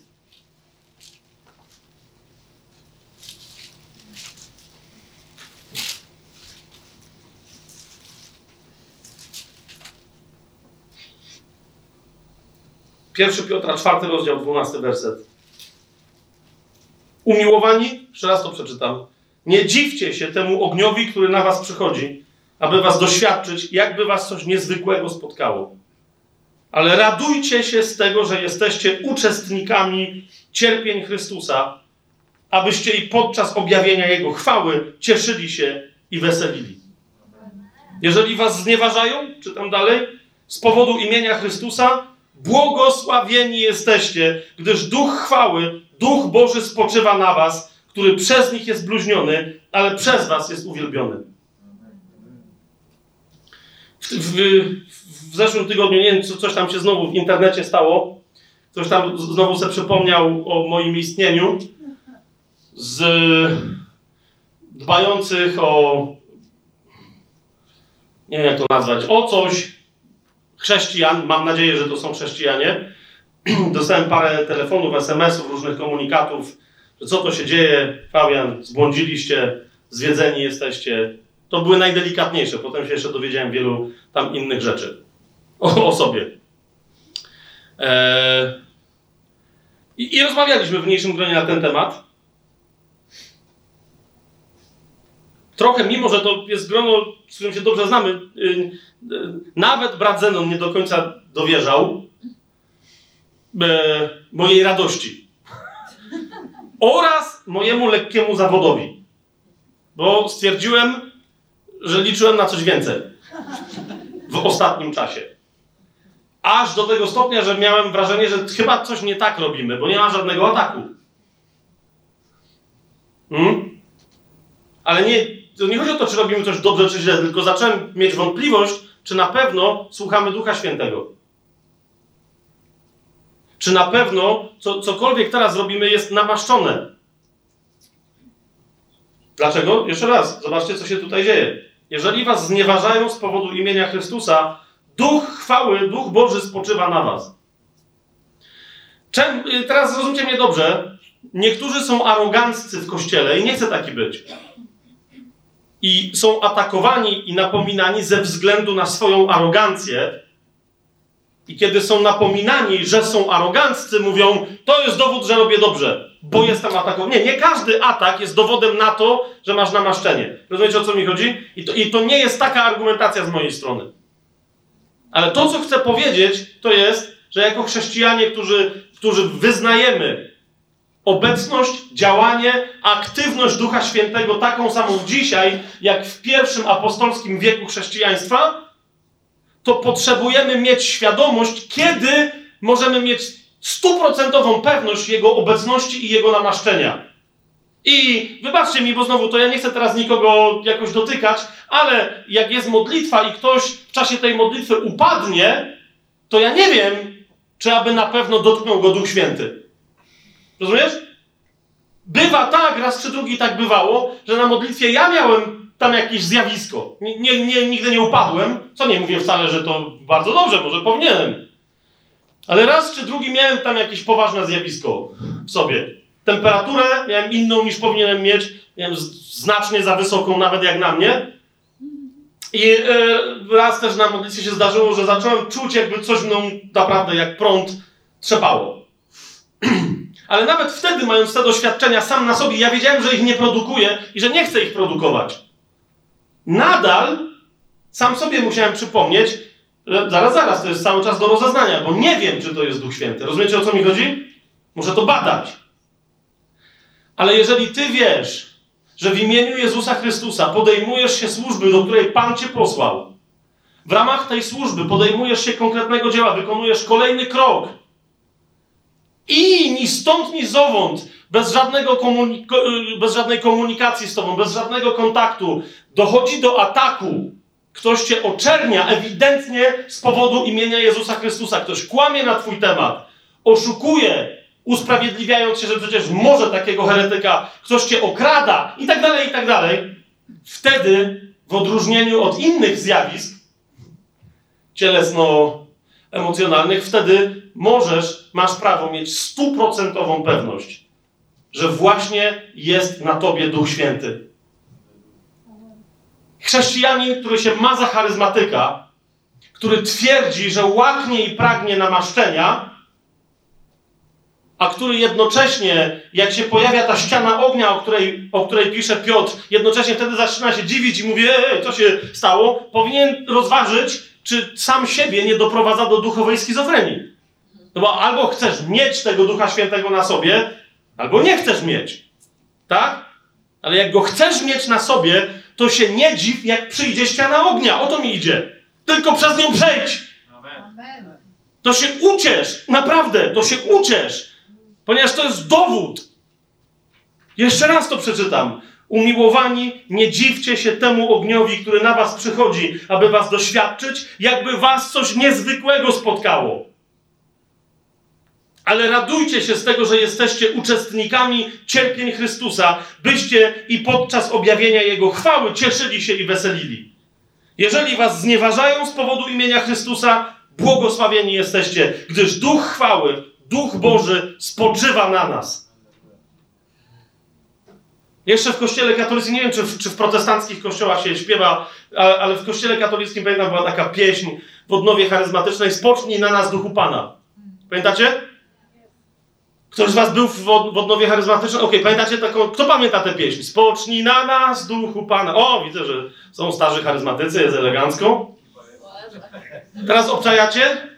We wszystkich może pięciu społecznościach, ale zawsze w których pamiętam, że mówiłem o tym fragmencie i mówiłem, co to znaczy ta piosenka, jak śpiewamy spocznie na nas duchu Pana, to wtedy prosimy się o ten ogień i, i, i, mówimy, że się nie będziemy dziwić, ale że się będziemy cieszyć. Wiecie, co się stało? Przestali śpiewać tę piosenkę. Na zawsze. Koniec. Potem jak się jednego spytałem, ale dlaczego? To jest dotąd. W sumie przynajmniej ten werset jest w porządku. I oni powiedzieli, że zrozumieli po moim nauczaniu, że ta piosenka jest niebiblijna. Okej, okay. tego twista się nie spodziewałem.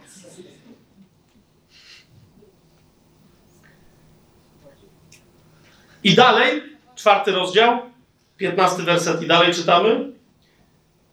Nikt z was niech nie cierpi jednak jako morderca, albo złodziej, albo złoczyńca, albo jako człowiek, który się wtrąca do cudzych spraw. Jeżeli, jeżeli doświadczasz ucisku w swoim życiu, potem przychodzisz prosić o modlitwę, albo się sama za siebie modlisz, albo sam za siebie. Zawsze, na jak, jak się pojawia jakiś problem, tak jak mówiłem dzisiaj na początku, który sprawia wrażenie, że nie masz błogosławieństwa w swoim życiu, zawsze najpierw sprawdź, czy nie masz się czasem z czego upamiętać. I czasem słyszę od chrześcijan, no ale ja już jestem nawrócony, nikogo przecież nie zabiłem, nikogo nie zgwałciłem, nikogo. I wtedy się pytam, a cudze sprawy? Bo nigdy nie słyszę chrześcijan, którzy mówią, ja się, ja nie zabiłem, nie ukradłem, nie zgwałciłem, nie cudzołożyłem i do cudzych spraw się nie wtrącałem. Nigdy nie słyszę takich wyznań. Słyszycie wy takie wyznania? Wręcz niektórzy chrześcijanie uważają, że to jest ich święty obowiązek, żeby się wtryniać w cudze sprawy. To jest ich służba. No właśnie.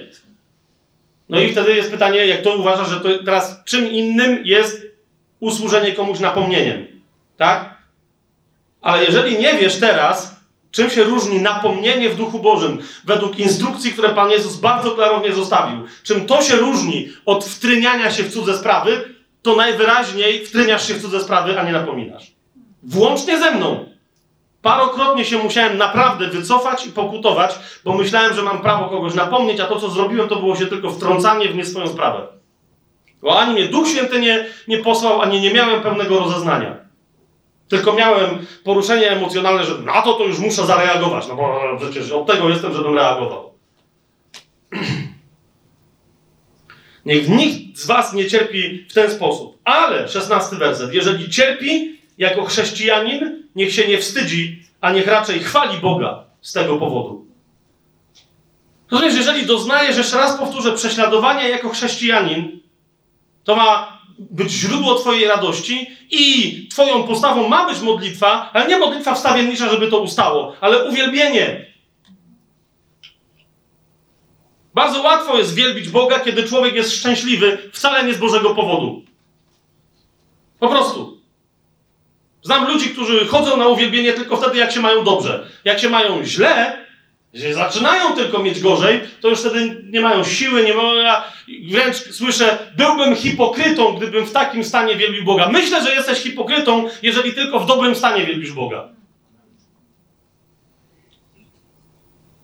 Bo, bo, bo to już może nie jest dowodem, ale sugestią jakiegoś rodzaju duchowego handlu. Ja cię uwielbię, ale ty mi zapewnij do, dobrobyt. 17 werset. Nadszedł bowiem czas, aby sąd rozpoczął się od domu Bożego. A jeżeli rozpoczyna się od nas, to jaki będzie koniec tych, którzy są nieposłuszni Ewangelii Bożej? Pyta Piotr. I 19 werset. Tak więc ci, którzy cierpią zgodnie z wolą Boga. Je, jeszcze raz, specjalnie sobie zostawiłem ten werset na koniec, no nie? Ale wiecie o co mi chodzi? E, jeżeli ktoś chce podjąć dyskusję, czy istnieje jakiekolwiek cierpienie w życiu chrześcijanina, które mogłoby być zgodne z wolą Boga, musi się najpierw rozprawić z takimi wersetami jak ten Piotra. Bo Piotr wyraźnie sugeruje, że można cierpieć zgodnie z wolą Boga. Tak więc ci, którzy cierpią zgodnie z wolą Boga, niech powierzają swoje dusze Jemu jako wiernemu Stwórcy, dobrze czyniąc. Jeszcze raz. Bo, bo, bo ja wiem, że tu musimy połamać wiele, wiele, wiele rzeczy. Nie, już nie będę tego więcej rozwijał. Ale naprawdę jeszcze raz na sam koniec. Rozumiesz, nie unikniesz cierpienia przyjmując dziwaczną teologię, że życie chrześcijanina musi być usłane różami bez końców. Nie unikniesz cierpienia, co najwyżej nabawisz się pretensji, które będą wynikać z Twojej dziwnej teologii. Twoje życie od momentu, kiedy Chrystus Cię zbawił, będzie pozbawione przeciwności, pozbawione trudności, pozbawione walki itd., itd., itd. Inna rzecz, że wtedy, jakbyś tak naprawdę wierzył, czy wierzyła, no to musisz wyciąć masę Biblii. Ale to rozumiesz, tak, jak kiedyś sobie policzyłem, to tak z jedną czwartą musisz wywalić. Te wszystkie fragmenty pod tytułem Bądź dobrym żołnierzem Jezusa Chrystusa i tak dalej, i tak dalej. Wszystko z Ewangelii to prawie wszystkie trzeba by było wywalić. Prawie wszystko z tych Ewangelii. Natomiast fakt, że życie chrześcijanina jest nie naznaczone, ale oznaczone cierpieniem, nie oznacza, że to cierpienie kiedykolwiek jest cierpieniem bezsensownym. Czy to jest jasne, co teraz mówię? Ten przykład wielokrotnie podawałem, ale jeszcze raz się nim posłużę yy, i, i na, na wyjaśnienie tego, o czym tu mówimy. Chłopak z Nowej Huty. To nie, czasem Kuba Kamiński zaczyna taką, niby o kimś gada, a na końcu wychodzi, że to o sobie mówił. Ale to nie jest o mnie teraz, tak? Chłopak z Nowej Huty. Od małego regularnie bity. W szkole, w drodze do szkoły, w drodze ze szkoły. Poniżany, bo mały, słaby i nikt go nie lubi. Wielokrotnie przyciskany do chodnika, do asfaltu, kopany z naderwanym uchem, ze skręconą kostką, z wywichniętym stawem, jednym, drugim, trzecim, raz ze złamaną ręką i tak dalej. Regularnie doświadczający pogłębiającej się traumy, dlatego że cierpi poniżenie w przemocy fizycznej przeciwko niemu skierowanej. Dodatkowo bity w domu przez ojca alkoholika i tak dalej. Ten sam chłopak w pewnym momencie dokonuje zmiany w swoim życiu. Która na czym polega? Na tym, że nadal jest bity. Na tym, że nadal wykręcają mu ręce, nogi, ciągną go za włosy. A jak się ogolił na głowie, to go ciągnęli za włosy pod pachami. I z dnia na dzień jest uzdrawiany ze swojej poprzedniej traumy. I każda taka przemoc fizyczna buduje jego siłę i zwiększa jego pewność, pe męską pewność siebie i radość. Jakiej zmiany dokonał ten chłopak? Trafił do sekcji MMA. Ci, którzy jeszcze patrzą, jakby jeszcze nadal nie rozumieli. Wyjaśniam. Wyjaśniam. Przestał być bity bez sensu. Ale trafił do sekcji, na której nadal w ramach treningów jest bity. Rozumiecie, o co mi chodzi? Bo musi na sobie doświadczyć. On komuś wykręci rękę, ale najpierw jemu wielokrotnie wykręcą rękę. On komuś założy dźwignię na, na stopę, na kolano, ale ale i jemu założą wielokrotnie. On komuś da w gębę i jemu też dadzą w gębę. Dlaczego się cieszy? Bo wie, że się uczy. To, co teraz się dzieje, nie jest poniżaniem go, ale jest umacnianiem go. Nie jest odbieraniem mu praw, ale jest nadawaniem mu praw. Do czego? Na przykład do tego, żeby kumple z sekcji, kiedy teraz będzie wracał ze szkoły, mieli na niego oko. Rozumiecie, o co mi chodzi? I raz czy drugi, tylko i wyłącznie jeszcze w życiu tego chłopaka się zdarzyło, że wychodząc ze szkoły, podszedł do niego jakiś dryblas i powiedział, co tam miał do niego powiedzieć. Ale jednocześnie wyszedł inny chłopak ze szkoły i powiedział mu, wiesz co, nie będę podawał nazwisk konkretnych i o którą sekcję chodzi, ale powiedział mu, wiesz co, gościu chyba jest u nich. I Dryblas się wycofał, mówi, a stary, to ja nie wiedziałem, ja absolutnie, ja szanuję. Ja szanuję. Widzicie różnicę? Ten chłopak dalej w sensie fizycznym doświadcza podobnego, a często takiego samego cierpienia. Na treningu. Każą mu biegać. Czasem musi wiedzieć, jak go gonili po szkole, jak już nie miał siły, to się przewracał i, dostał parę kopów i wiedział, że to jest tyle. Na treningu, jak się przewróci, kazał mu wstać i mówią, ej, jeszcze się nie zażygał, lecisz. Więc czasem na treningu cierpi bardziej niż wcześniej, bo mu się nie pozwalają poddać. Ale ten chłopak nie cierpi. Czy rozumiecie, co mówię? Ten chłopak nie cierpi. Dlaczego? Ponieważ cierpienie nie jest wtedy, kiedy cierpimy, ale wtedy, kiedy cierpimy, a to cierpienie nie ma sensu. Ale kiedy doświadczasz czegoś, co mogłoby być cierpieniem, niemniej ty widzisz w tym sens, to, to, wtedy chętnie się w ten cierpiący sens rzucasz, ponieważ wiesz, czemu to służy. Tak jak ten chłopak. I jeszcze raz, kiedy mówimy teraz o tym, o współcierpieniu z Chrystusem dla Kościoła, to mówimy o cierpieniu, które jest związane z sensownym zmaganiem, a nie o cierpiętnictwie i byciu ofiarą. Jasne to jest? Odrzucamy w imieniu Jezusa Chrystusa wszelkie cierpienie ofiar i sprzeciwiamy się robieniu z ludzi ofiar. Czy to przez duchy, czy przez innych ludzi. Niemniej włączamy się w cierpienie tego, kto jest wiernym żołnierzem Pana Jezusa, kto jest wiernym robotnikiem na jego żniwie. Bo jak robotnik żnie żniwo i ma sierp w ręce, to może mieć odciski, odgnioty na rękach. Może? I kto z was miał odgnioty od sierpa, albo od kosy, albo od... Ja miałem tylko jak byłem mały, ale miałem. Od kosy, nie od, nie od sierpa. To wie, że nawet dla poważnego chłopa taki odgniot, dopóki sobie go tam nie przebije, woda nie wypłynie, może być po prostu nie jakimś wielkim cierpieniem, ale jest niepotrzebny. Niemniej, ty mówisz, że okej, okay, no ale to jeżeli to jest cena, którą wystarczy zapłacić za to, żeby potem takie eleganckie zboże było i z niego będzie chleb, i ten, hej, niech będzie. Amen? Amen. Zatem, jeżeli dzisiaj, siostro, jeżeli dzisiaj, bracie, przychodzisz na to spotkanie i twój problem wydawało ci się polega na tym, że masz opór w swoim życiu i wydawało ci się, że trzeba się pomodlić o to, żeby ten opór zelżał, to mówię ci, nie, nie potrzebujesz, żeby ten opór zelżał. To, czego potrzebujesz, i jeszcze raz, możemy się o to wspólnie pomodlić, ale nie proś o modlitwę wstawienniczą w tej intencji.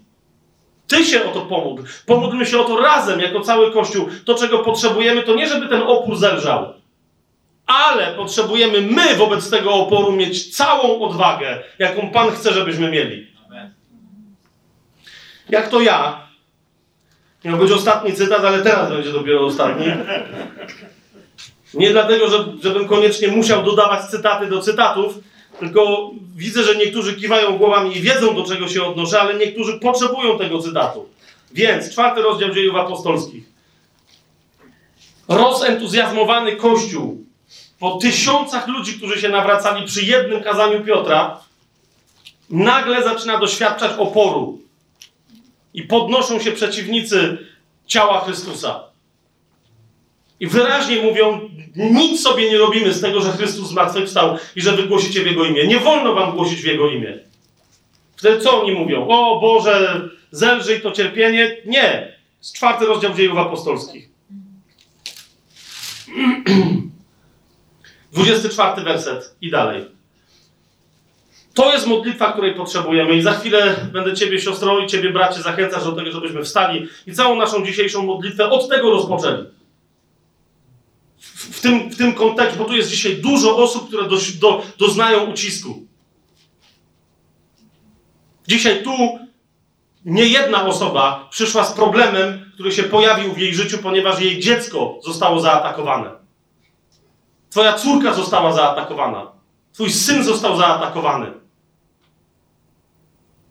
To, że zaczęli brać narkotyki, Myślisz, że to jest tylko i tak, jasne, to wyniknęło z ich woltu, bo to może była ich decyzja, ale to jest też duchowy atak. Na nich, może i na nich, ale także na ciebie przez nich. Niektórzy tu dzisiaj przyszli, ponieważ się zaczęli dziwić, dlaczego rzeczy, które do tej pory ich szły w biznesie, nagle przestały. Przez nieuczciwą konkurencję. Dlaczego? Jak to jest? Niektórzy dzisiaj tu w sercu mają pytanie. Ja rozumiem, kiedy mnie atakują nie chrześcijanie, ale bracia, których miałem do wczoraj za braci, siostry, których miałam, które miałam do wczoraj za siostry, ci za moimi plecami mnie osądzają, nie przechodząc do mnie z napomnieniem? Rozumiesz, tu niezależnie od tego, jaki to atak dzisiaj masz, o niektórych nie, o niektórych nie wiem, o niektórych nie chcę wspominać. Niezależnie od tego, jaki to jest atak. Dobra, ja jeszcze jednym wspomnę. Atak na twoje małżeństwo. Musisz to sobie raz na zawsze zapamiętać. Bóg nienawidzi rozwodów, to mówi Jego słowo. I nie ma takiej możliwości, żeby cokolwiek w naszym życiu wynikało żeby cokolwiek Bóg chciał zrobić w naszym życiu, żeby rozwalać nasze małżeństwa. Czy to jest jasne, co mówię? Ja rozumiem, że niektórzy przeszli różne historie. Ja teraz nie mówię o tych, którzy porozchodzili się, ale mówię o tym, że jeżeli jesteś teraz w małżeństwie i coś się dzieje nie tak, i myślisz sobie, nie żeby Bóg, Bóg ukatrupił tego mojego męża. Albo jesteś mężem i myślisz sobie, nie, nie żebyś Boże mnie ukatrupił, jak jej tak jest ze mną źle. To rozumiesz, niezależnie od tego, jakie to są myśli, zwłaszcza jak one zaczynają zmierzać w stronę, jesteśmy chrześcijanami, nie możemy się rozejść, w związku z tym ktoś musi umrzeć. Niektórzy z was się śmieją, ale niektórzy widzę, że mają łzy w oczach. Więc chodzi mi o to, że to, rozumiecie, to jest realna rzecz. To jest realna rzecz. Zrozum, że to jest diabeł, to jest atak duchowy. I on najprawdopodobniej jest atakiem związanym z twoją służbą. Bo jeżeli masz męża czy żonę, zwłaszcza jeżeli we dwoje jesteście nawróceni, to jest jasną rzeczą, że wasza służba, nawet jeżeli ona jest twoja i jej, twoja i jego, jeżeli są nieco rozdzielne, to wy jesteście jednym ciałem. To jest jedno ciało, które może mieć dwie służby. Ale atak na to samo ciało, jeżeli tylko na jego część, może powstrzymać w służbie całe ciało. Atak na żonę może powstrzymać bardzo skutecznie męża. I atak na męża może bardzo skutecznie podciąć skrzydła żonie. Więc jeszcze raz ci mówię, wtedy rozumiesz, to, czego potrzebujesz, to jest rozpoznać tę sytuację. Nie przychodzić, nie diagnozować, że to w takim razie módlmy się o mnie, módlmy się o żonę, módlmy się o coś, módlmy się o naprawę małżeństwa. Rozpoznaj najpierw, czy nie jest to atak duchowy, który, który, który jest diabła i piekła całego oporem przeciwko temu, co właśnie masz zrobić. Jasne jest to, co mówię? I jak to rozpoznajesz, że to tak jest, wtedy trzeba się temu atakowi przeciwstawić i go złamać. Czy, czy, czy w związku z tym przestanie być trudno? Może być jeszcze, jeszcze trudniej, ale ty będziesz mieć radość, bo rozumiesz, jeżeli diabeł zamiast jednego demona przeciwko tobie będzie musiał wysłać tysiąc demonów, to jest większa radość, że zamiast jednego gnoja tysiąc rozwalisz. A oni tam nie mają nieskończonych liczb. Rozumiesz o co chodzi? Oni tam nie mają. To jest tak jak dobry napastnik na, na, na, na boisku piłkarskim. On niekoniecznie zawsze jest w takiej formie, żeby gole strzelać. Ale jak trzeba wystawić dwóch albo nawet trzech obrońców, żeby go pilnowali, rozumiesz, to inny, który jest w formie, wtedy strzeli gola. Jeżeli możesz, bez cwaniakowania, ale jeżeli w ramach swojej walki jedyne, co z niej wynika, to że weźmiesz na siebie zamiast jednego demona tysiąc, a to odciąży ewangelistę na drugim krańcu świata do tego, żeby mu łatwiej było głosić, to już jest warto. Bo jesteśmy jedną armią. I nie chodzi o mój interes, ale chodzi o ostateczne zwycięstwo Pana Jezusa na tej ziemi i o to, żeby wszystkie dzieła diabła były zniszczone. Amen. Więc jak powstał ten opór,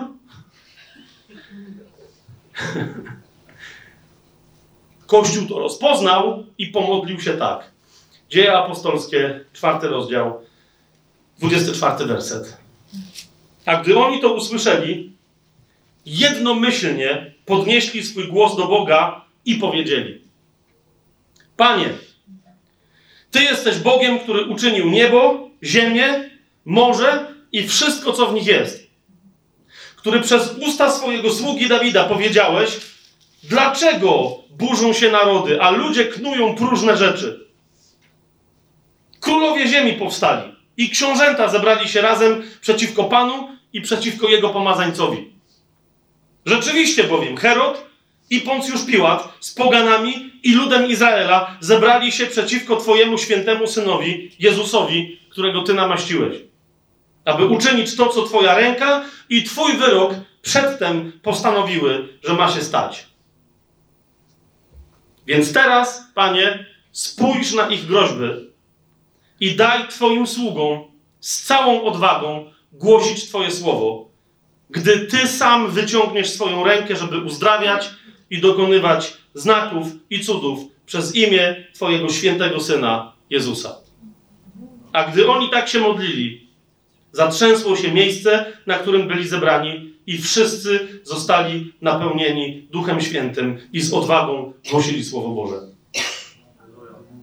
Oni dopiero co byli, pamiętacie? Dopiero co już byli napełnieni Duchem Świętym, ochrzczeni Duchem Świętym w Dzień Pięćdziesiątnicy.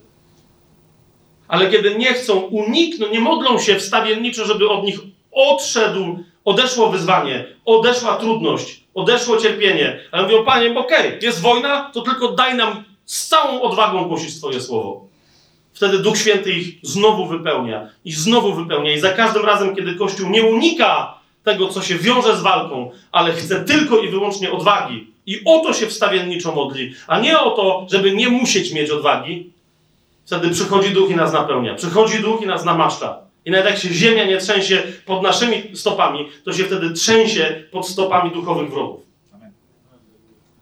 Więc teraz, siostry i bracia, wszystkich zachęcam do tego, żebyśmy wstali. Chyba, że ktoś naprawdę nie ma siły, to niech siedzi. I żebyśmy w spontanicznej modlitwie teraz, zanim przejdziemy y, y, dalej do uwielbienia i tak dalej, ale żebyśmy, y, żebyśmy teraz przeciwstawili się. Jeżeli ktoś, jeszcze raz mówię, jeżeli ktoś nie ma siły, to naprawdę niech siedzi. Jeżeli ktoś nie ma siły, nie wie, co się dzieje i jednak potrzebuje, żeby mu pomóc, to niech się też nie odzywa teraz w czasie tej modlitwy. Zachęcam tylko tych, którzy są w duchu przekonani, że wiedzą, co się teraz stało. O czym mówiliśmy i co się ma stać. Będziemy się modlić o odwagę, zwłaszcza w życiu tych wszystkich sióstr i braci tu obecnych, którzy, którzy doświadczają ognia. I może się temu trochę dziwią. Żeby się zaczęli radować. Żeby zostali napełnieni odwagą i żeby jeszcze śmielej działali w zgodzie z wolą Bożą. Amen? Y, ja Duch Święty wie dlaczego. Będę się modlić przez mikrofon teraz, ale niech to nie przeszkadza Twojej modlitwie. Tylko dołącz do niej. E, jak mówi Słowo Boże, podnieś swój głos. Podnieś swój głos, niech Cię Duch Święty prowadzi. Nie modlimy się na językach, teraz nie, to nie jest moment na prorokowanie, ani nic takiego. Ok?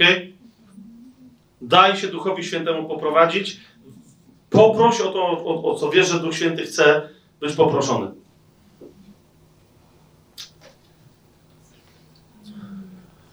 Ojcze, jako siostry i bracia, którym Ty dałeś jedność wyjątkowego duchowego pokrewieństwa przez nowonarodzenie z Twojej łaski, przez wiarę w Jezusa Chrystusa. Ojcze, dzisiaj stajemy przed Tobą prosimy o to, abyś kolejny raz posłał do nas swojego świętego ducha.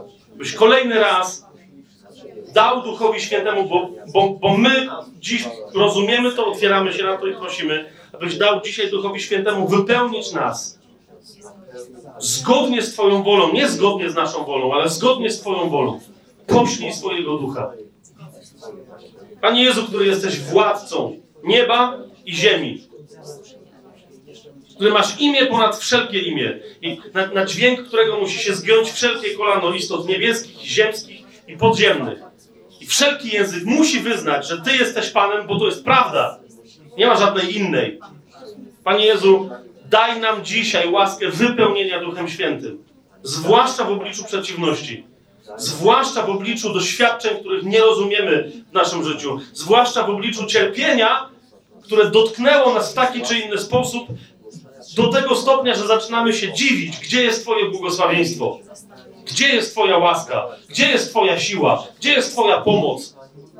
Panie, nie patrz dziś na tę naszą postawę, ale poślij swojego ducha, aby otworzył nasze oczy. Duchu Święty, Pan Jezus obiecał, że, że pośle Ciebie do nas. I że Ty nam przypomnisz wszystko, co, co On mówił. Że, że Ty nas wprowadzisz w całą prawdę. Że Ty jesteś ożywicielem. Ty jesteś pocieszycielem. Ty jesteś naszym adwokatem. Duchu Święty, wypełnij nas dzisiaj, każdą i każdego z nas, którzy Cię prosimy. I nas, jako Kościół, jako zgromadzenie, jako Twoją społeczność. Przyjdź do nas, Panie, otwórz nasze oczy, zwłaszcza do tych, którzy doświadczyli cierpienia, którym trudno było w ostatnim czasie dziękczynić, którym trudno było w ostatnim czasie Cię uwielbiać. Duchu Święty, Ty, który jesteś taki dobry, tak pełen miłosierdzia, tak rozumiesz dobrze ducha każdej i każdego z nas. Tak rozumiesz dobrze, co mamy w duszach i co mamy w ciałach. Duchu Święty, proszę Cię z tą swoją łagodną stanowczością, z tą swoją stanowczą łaskawością przyjdź dzisiaj do nas, ale zwłaszcza do tych, którzy cierpieli w ostatnim czasie, a może dzisiaj przyszli na to spotkanie w cierpieniu, są wierzącymi osobami. I otwórz ich oczy, daj im poznanie Co z tego doświadczenia cierpienia wynika z naszego grzechu? Co z tego cierpienia wynika z naszych niewierności? I w Duchu Święty podnieś w nas w takim razie upamiętanie, łaskę nawrócenia, powrotu do Ciebie, rozpoznania dzieła krzyża w naszym życiu, raz dokonanego zniszczenia wszystkich naszych grzechów, słabości, całej naszej nędzy. Otwórz nasze oczy, Duchu Święty, proszę Cię. Przyjdź, przyjdź do tych, którzy cierpieli albo w ostatnim czasie, albo cierpią teraz. I być może to cierpienie nie wynika z, z ich grzechu, świadomego, czy mniej czy bardziej, ale wynika z tego, że są napadnięci przez innych i są zaskoczeni tym, tym napadem, są rozgoryczeni. Przyjdź do tych, którzy w ostatnim czasie zostali zdradzeni, którzy zostali oszukani, być może przez bliskich, być może przez ludzi, których mieli za siostry i braci chrześcijan. Do tych, którzy, których ktoś okradł, czy z dóbr materialnych, czy z honoru, czy z dobrego imienia. Duchu Święty, podnieś się w nas, podnieś się w nas, w naszych sercach. Daj nam kolejny raz doświadczyć Twojej mocy w nas, przemiany umysłu, z którą tylko Ty możesz przyjść. Duchu Święty, pozrywaj te wszystkie kajdany, które diabeł chciał zarzucić na umysły wielu z nas, żebyśmy zamiast widzieć Jego podstępne działanie, raczej znowu zwrócili się przeciwko Ojcu.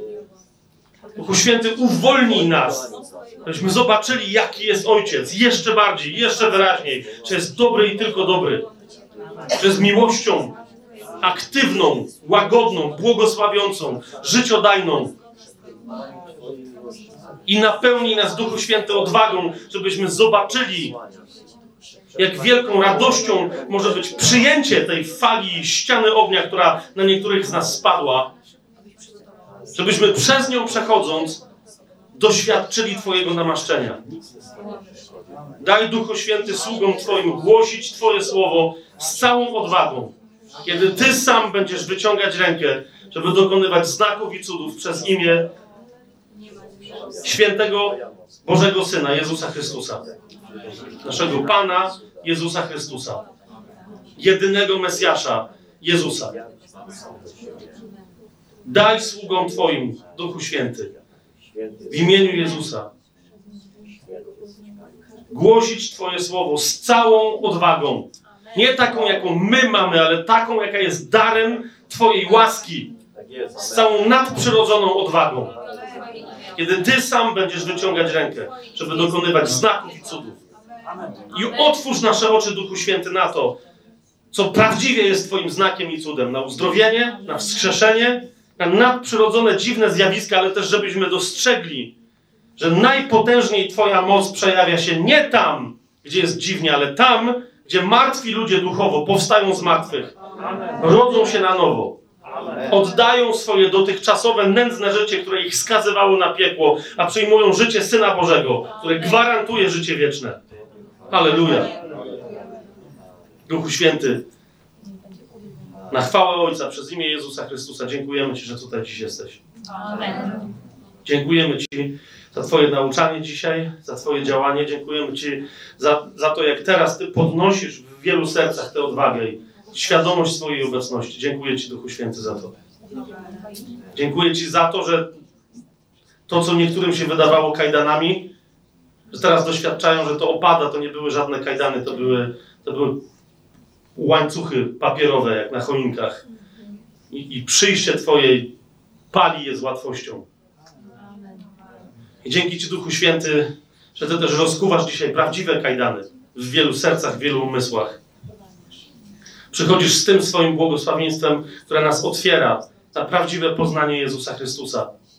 Bo my chcemy znać Jego, moc Jego zmartwychwstania i zaszczyt możliwości uczestniczenia w Jego cierpieniach. Dzięki Ci, Duchu Święty, że Ty dziś przychodzisz, rozdajesz jeszcze więcej. Dzięki Ci, Duchu Święty, za to, w jak wielu sercach teraz wypełniasz i wypełniasz i wypełniasz miłością te serca. Za te umysły, do których teraz przychodzisz i, i zmieniasz myślenie, tak jak tylko Ty potrafisz. Swoją łaską, nie ludzkim przekonywaniem, nie cielesną argumentacją, swoją miłosną, błogosławioną obecnością. Dzięki Ci, Duchu Święty.